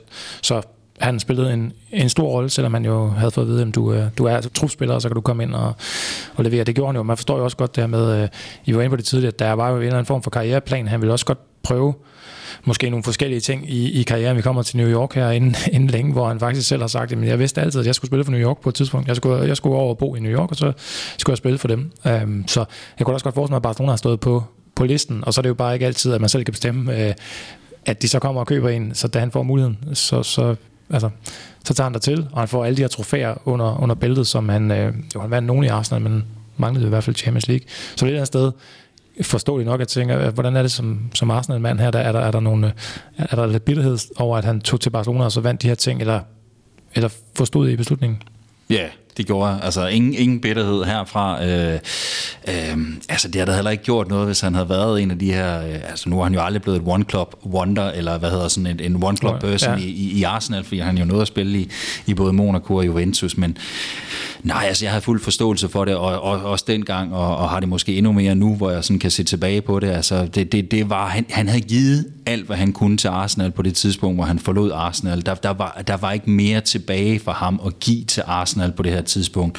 Arsenal havde brug for en ny start i, i 2007, øhm, og, og derfor gav det fuldstændig mening, at, at han smuttede videre øh, og, og fik det sidste ud af, af sin karriere i en klub og, og, og vandt de her trofæer, og så kunne Arsenal stille og roligt begynde at bygge noget op, som ja, desværre aldrig rigtig er, er blevet forløst. Når man også når man sådan i årenes løb bliver klogere og klogere på Henri, altså, så, så forstår man jo godt, at han ender med at være videre. Altså, for mig er han sådan lidt en eventyr også, altså som du også nævner med, med de her destinationer, som han måske allerede havde øremærket tidligt i sin karriere. Han godt tænkt sig at spille nogle forskellige steder, og at MLS egentlig heller ikke for mig er overraskende, at han ender med at være der, og også ligesom at blive en ambassadør for den liga, som amerikanerne så forfærdeligt gerne vil have frem, sådan i øh, europæernes bevidsthed, at den spiller bare en, en, en lille rolle. Altså, der har han jo været en kæmpe forgangsmand sammen med også nogle andre øh, større spillere der, men men han er, altså, det vil heller ikke overraske mig, at han ikke ender med at blive, nu kommer vi også ind til at tale om hans, hans trænerkarriere, både øh, den, den, den forhenværende og også den, det, han skal til nu her i MLS igen.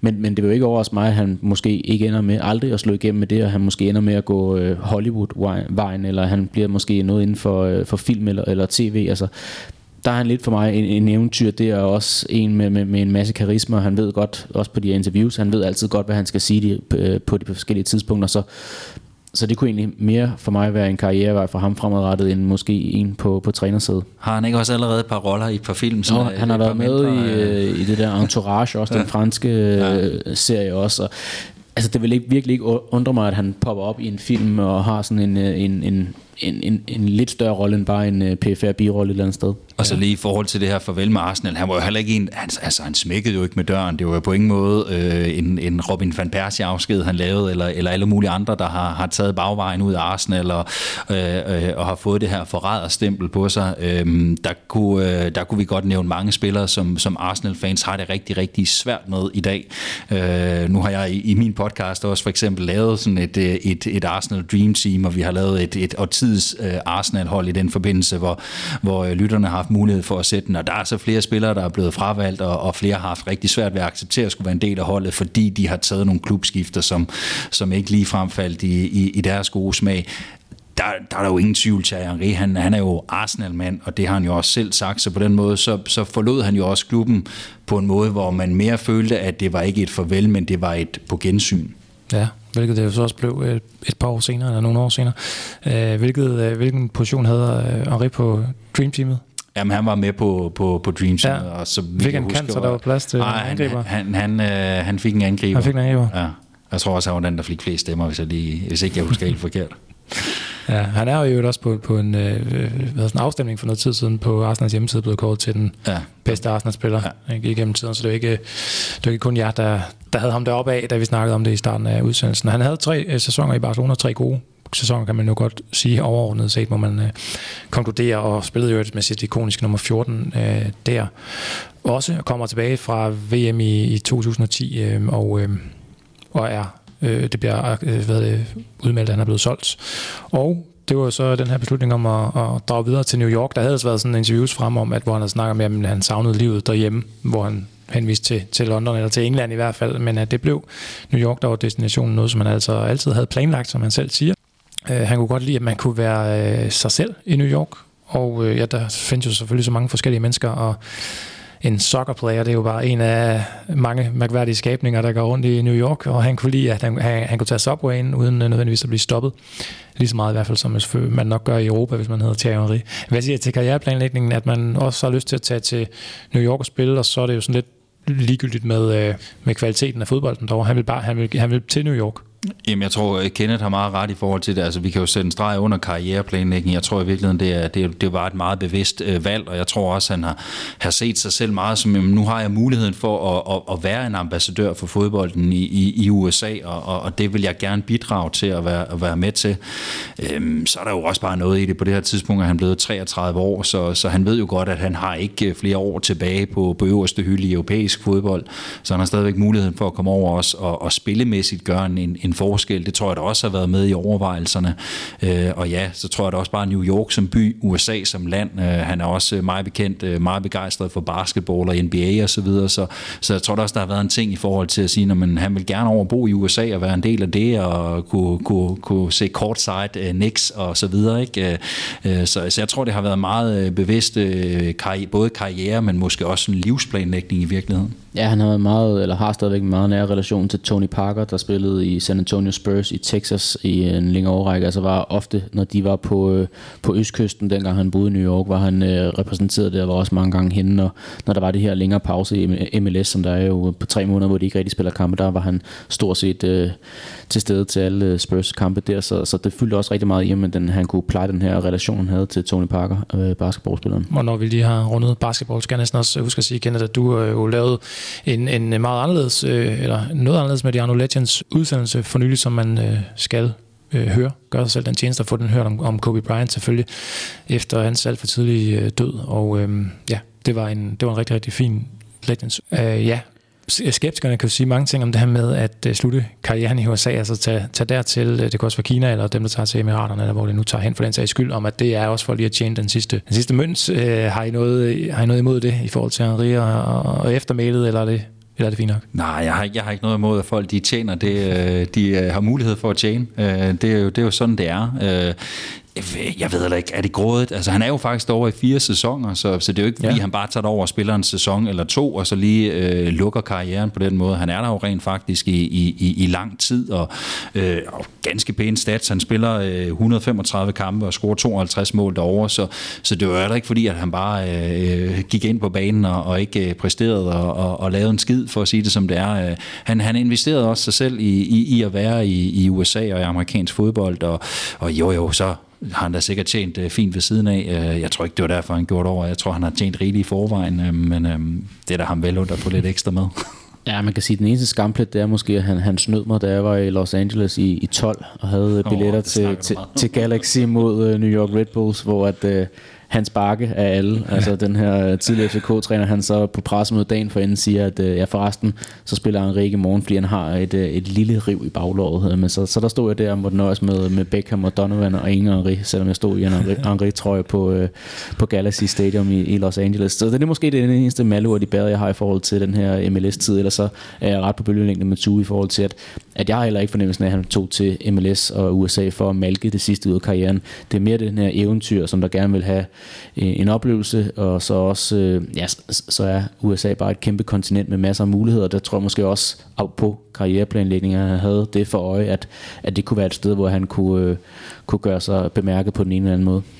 Hans Bakker har også sagt efterfølgende, at uh, Henri ville stadigvæk vinde. Når vi spillede 5 mod 5, så ville han stadigvæk vinde. Så han havde, han havde motivation også for, og som I siger, spille, spillede jo masser af kampe hver eneste sæson. Det var ikke, fordi han bare scorer og sidde og, og, og, og tjene alle de her penge. Han også godt uh, levere på banen imens. Og øh, så kom så det her gensynet med, øh, med Arsenal øh, en gang Gunner, altså, som jeg har skrevet som overskrift på det sidste, øh, det sidste kapitel der. Vi skal også lige runde hans trænerkarriere selvfølgelig, inden vi, vi lukker helt ned. Men i 2012 er det, han kommer tilbage til Arsenal på øh, et to måneders lån.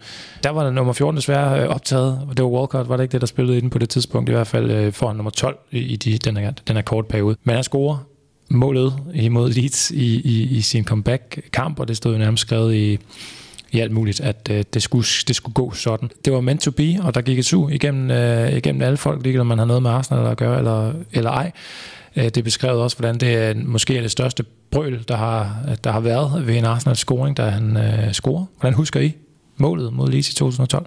Ja, altså det, det er meget godt rammet ind, at, at det var bare sådan den her kæmpe forløsning, og så kan man snakke om, at han blev kritiseret i hans første år i Arsenal på at lægge bånd på sine følelser. Det gjorde han i, i, i sandhed ikke i, i det her øjeblik, altså det var bare kæmpe smil på læben, og så har han fået lidt ekstra kilo på sidebenene, og det her karakteristiske skæg også og sådan noget, så, så det var sådan, det var på en eller anden måde en, en, en far, der var vendt hjem til sit gamle barndomshjem eller et eller andet, og så scorede han bare det her mål, som så også endte med at få sportslig øh, øh, Ja, altså vigtighed også, altså det var, det, var, det var ikke et mål til 5-0 han lavede, men det var et mål til 1-0, som der bragte dem videre i en FA Cup turnering, som, som man har vægtet meget højt i Arsenal, også i de år, hvor man måske hungrede lidt efter øh, lidt øh, succes, efter det var lidt øh, mært i forhold til Premier League, så, så det endte bare med at blive et nyt ikonisk øh, Thierry-moment øh, i London.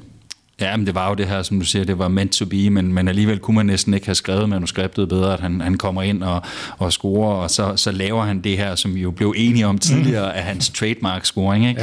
Ja. Øh, får bolden her inde øh, på, på venstre side i, i, i feltet, og så krøller han den ind med, med indersiden i det lange hjørne, og, og, og tager den der rundtur langs, øh, langs tribunesiden øh, hen for at omfavne uh, The Boss, som han kalder ham, uh, Arsene Wenger. Øh, ja, kæmpe kuldegysninger, også bare sidde og snakke øh, allerede om det nu her. Øhm, det ja, øhm, øhm, fantastisk, at det skulle ende på den måde. Heldigvis også, fordi det, det er jo også øh, det er jo et farligt øh, øh, øhm, øh, det her med at, at lade sig komme tilbage til en klub og på en låneaftale, og øh, var han ikke i virkeligheden færdig? Kunne han begå sig på det her niveau endnu og så videre? Ikke? Øhm, så var det bare fedt, at, at det trods alt udmyndte sig i, i den her oplevelse. The facial hair more prominent, the pace perhaps a little less lethal.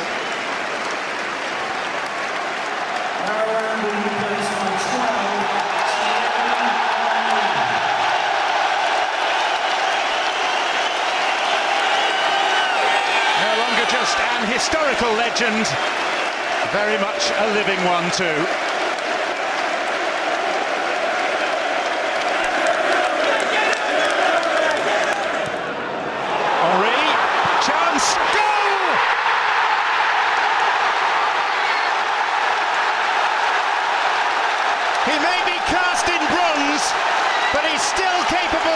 Producing truly golden moments.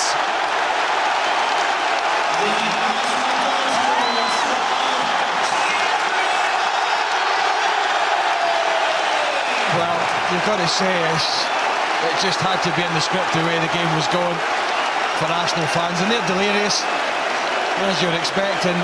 Applause from Beckham as well. He just pulls off here Nice little run in between behind the youngster Thompson, who's had a great game, but he just goes to sleep. That's inexperienced. Super run, great ball, lovely first touch, and then composure slides it in. You don't have to batter it, you don't have to smash it, you just have to place it.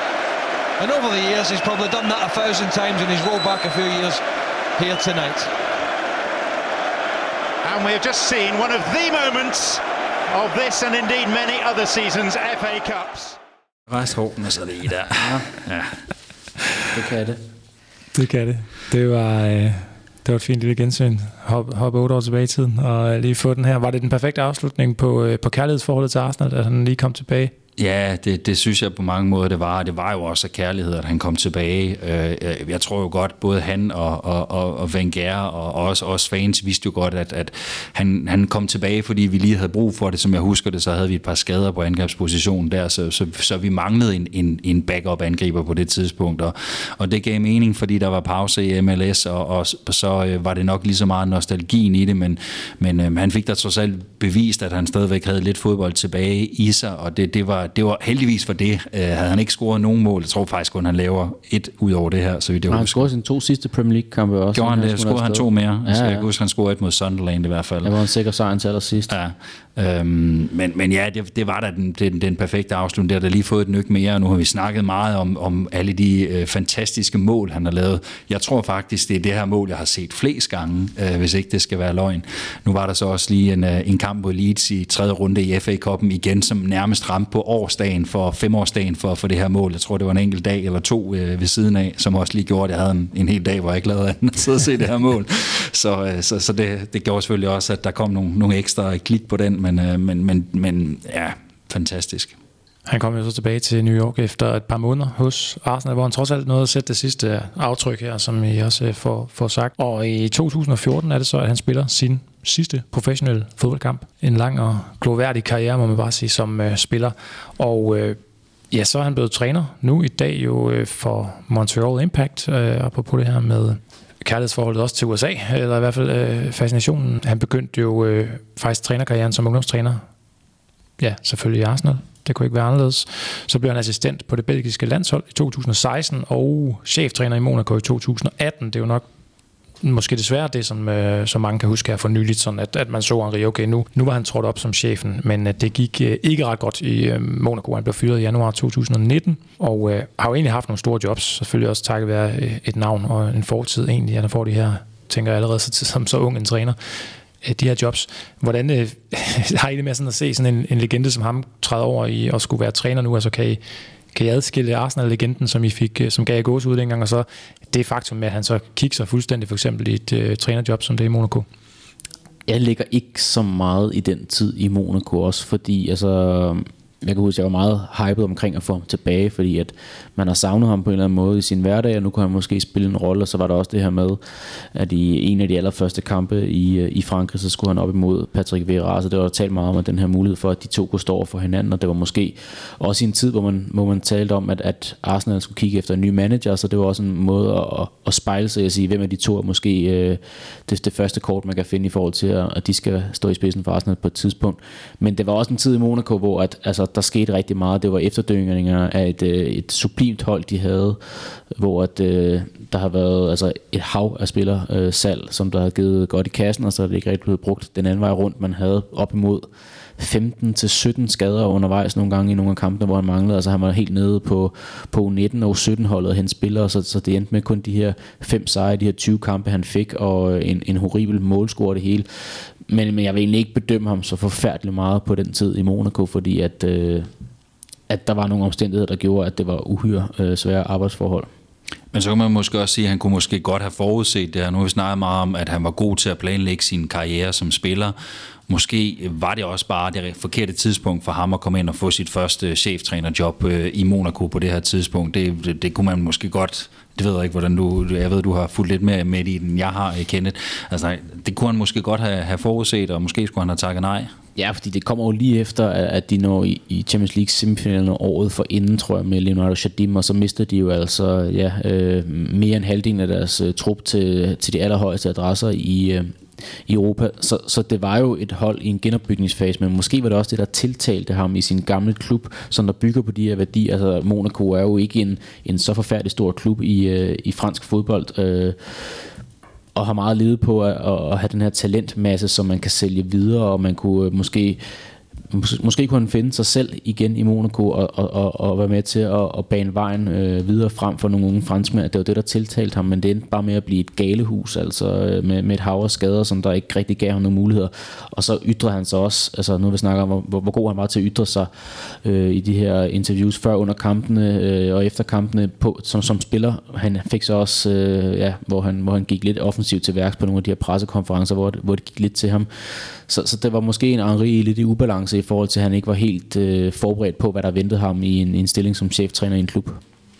Men, men for nu at også lige komme tilbage til dit spørgsmål, Adam. Altså for mig, så, så jeg kan fint adskille Thierry Henry som spiller, og så som træner igen. Nu er han også øh, ret ny i hans trænerkarriere stadigvæk, så, så, så på den måde, så, så øh, altså, jeg vil næsten sige, uanset hvor meget han, han måtte fucke op i hans øh, trænerkarriere, øh, så, så kommer jeg aldrig til at glemme de ting, han har præsteret som spiller, og, og specielt ikke i, i Arsenal. Men det er da selvfølgelig klart, at, at hvis, hvis vi, vi går 5-10 år frem, og, og han stadigvæk er træner, og aldrig aldrig rigtig har, har drevet det til noget på træner, så tager det måske lige 2% af toppen. Altså, så nu kan vi igen sammenligne lidt med Michael Laudrup, ham har vi talt om tidligere. Hans, hans, den måde, som hans trænerkarriere er, jeg ved faktisk ikke om den er over, eller om han stadigvæk er på pause, eller hvad den er, men, men den måde, den er, er, er ind på, har der, har der også lige taget et eller andet af øh, Laudrups eftermæle, øh, også selvom det ikke har haft noget med hans øh, spillerkarriere at gøre. Ja, helt sikkert. Det, altså det, det kunne man da godt sidde og frygte, at det også kunne blive noget lige til Henri. Altså at det ender med lige, og nu talte vi også om, hvad han overvurderet og undervurderet, men altså at det kan være med til at, at rykke ved hans heldestatus heltestatus som, øh, som fodboldspiller, at han måske ikke er så dygtig til at, at være det som, mm, som, som træner. Lad os ikke håbe, at det kommer så vidt som, som Michael Laudrup med, med forskellige afstikker rundt omkring. Tror jeg, det kan læses i stjernerne, at han skal være Arsenal-manager en dag? Og håber jeg, at det sker? Øh, jeg vil gerne svare to gange nej.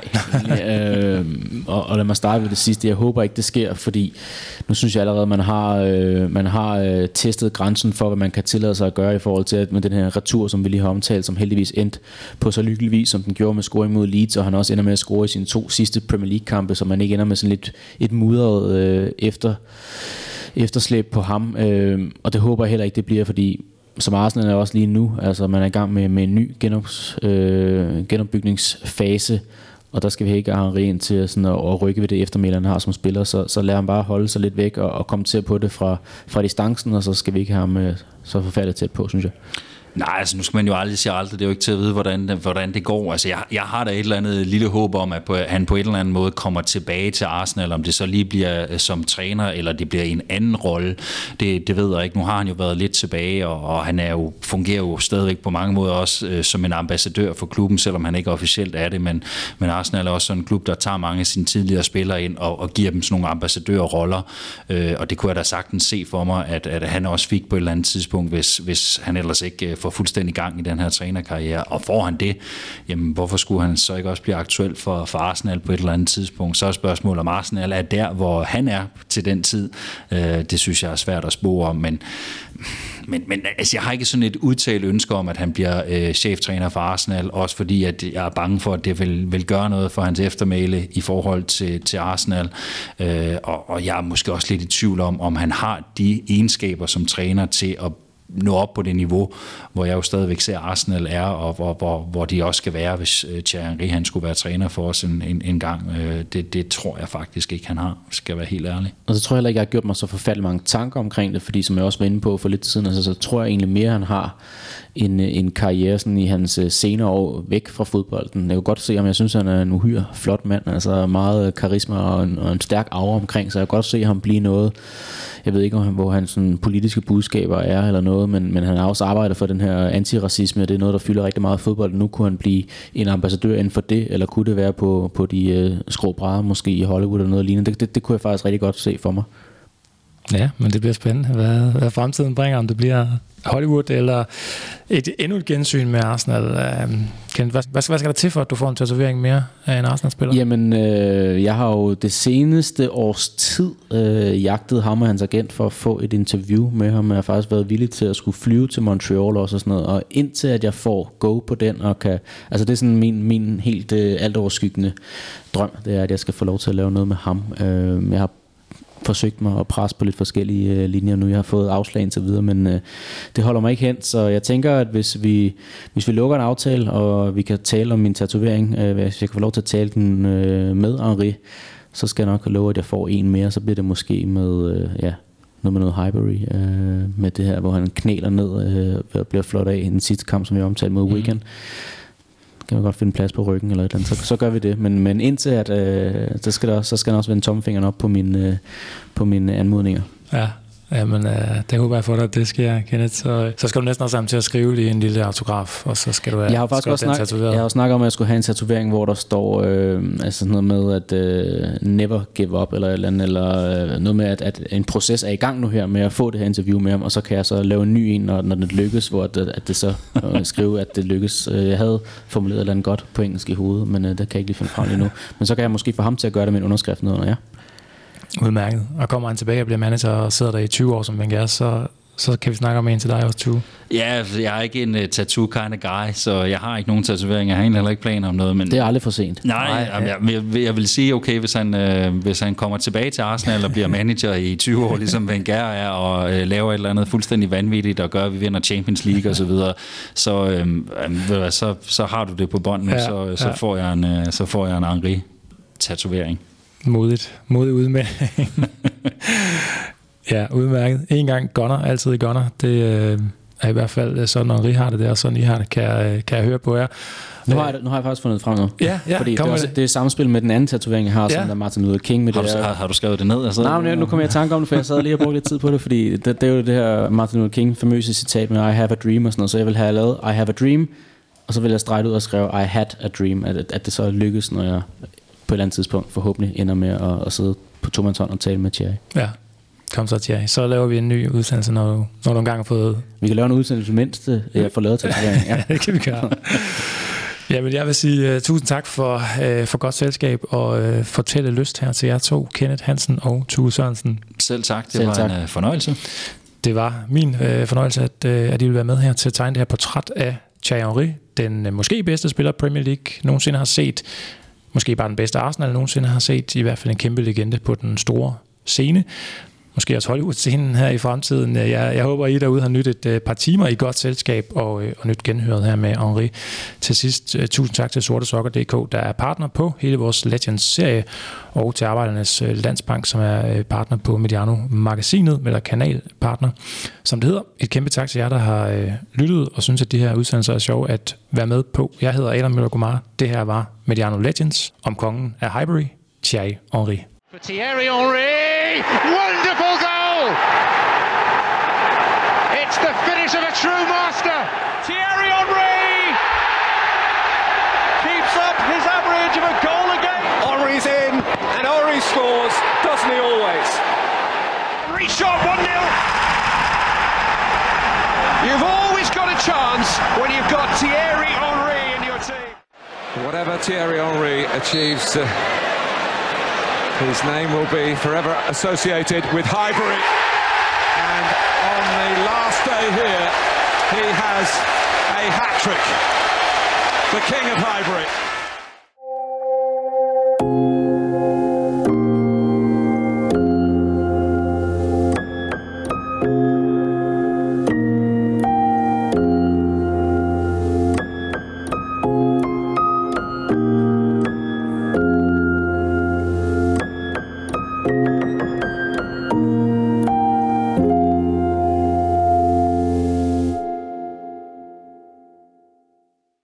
Udsendelse var produceret af Mediano Media og sponsoreret af Arbejdernes Landsbank, Medianos hovedpartner.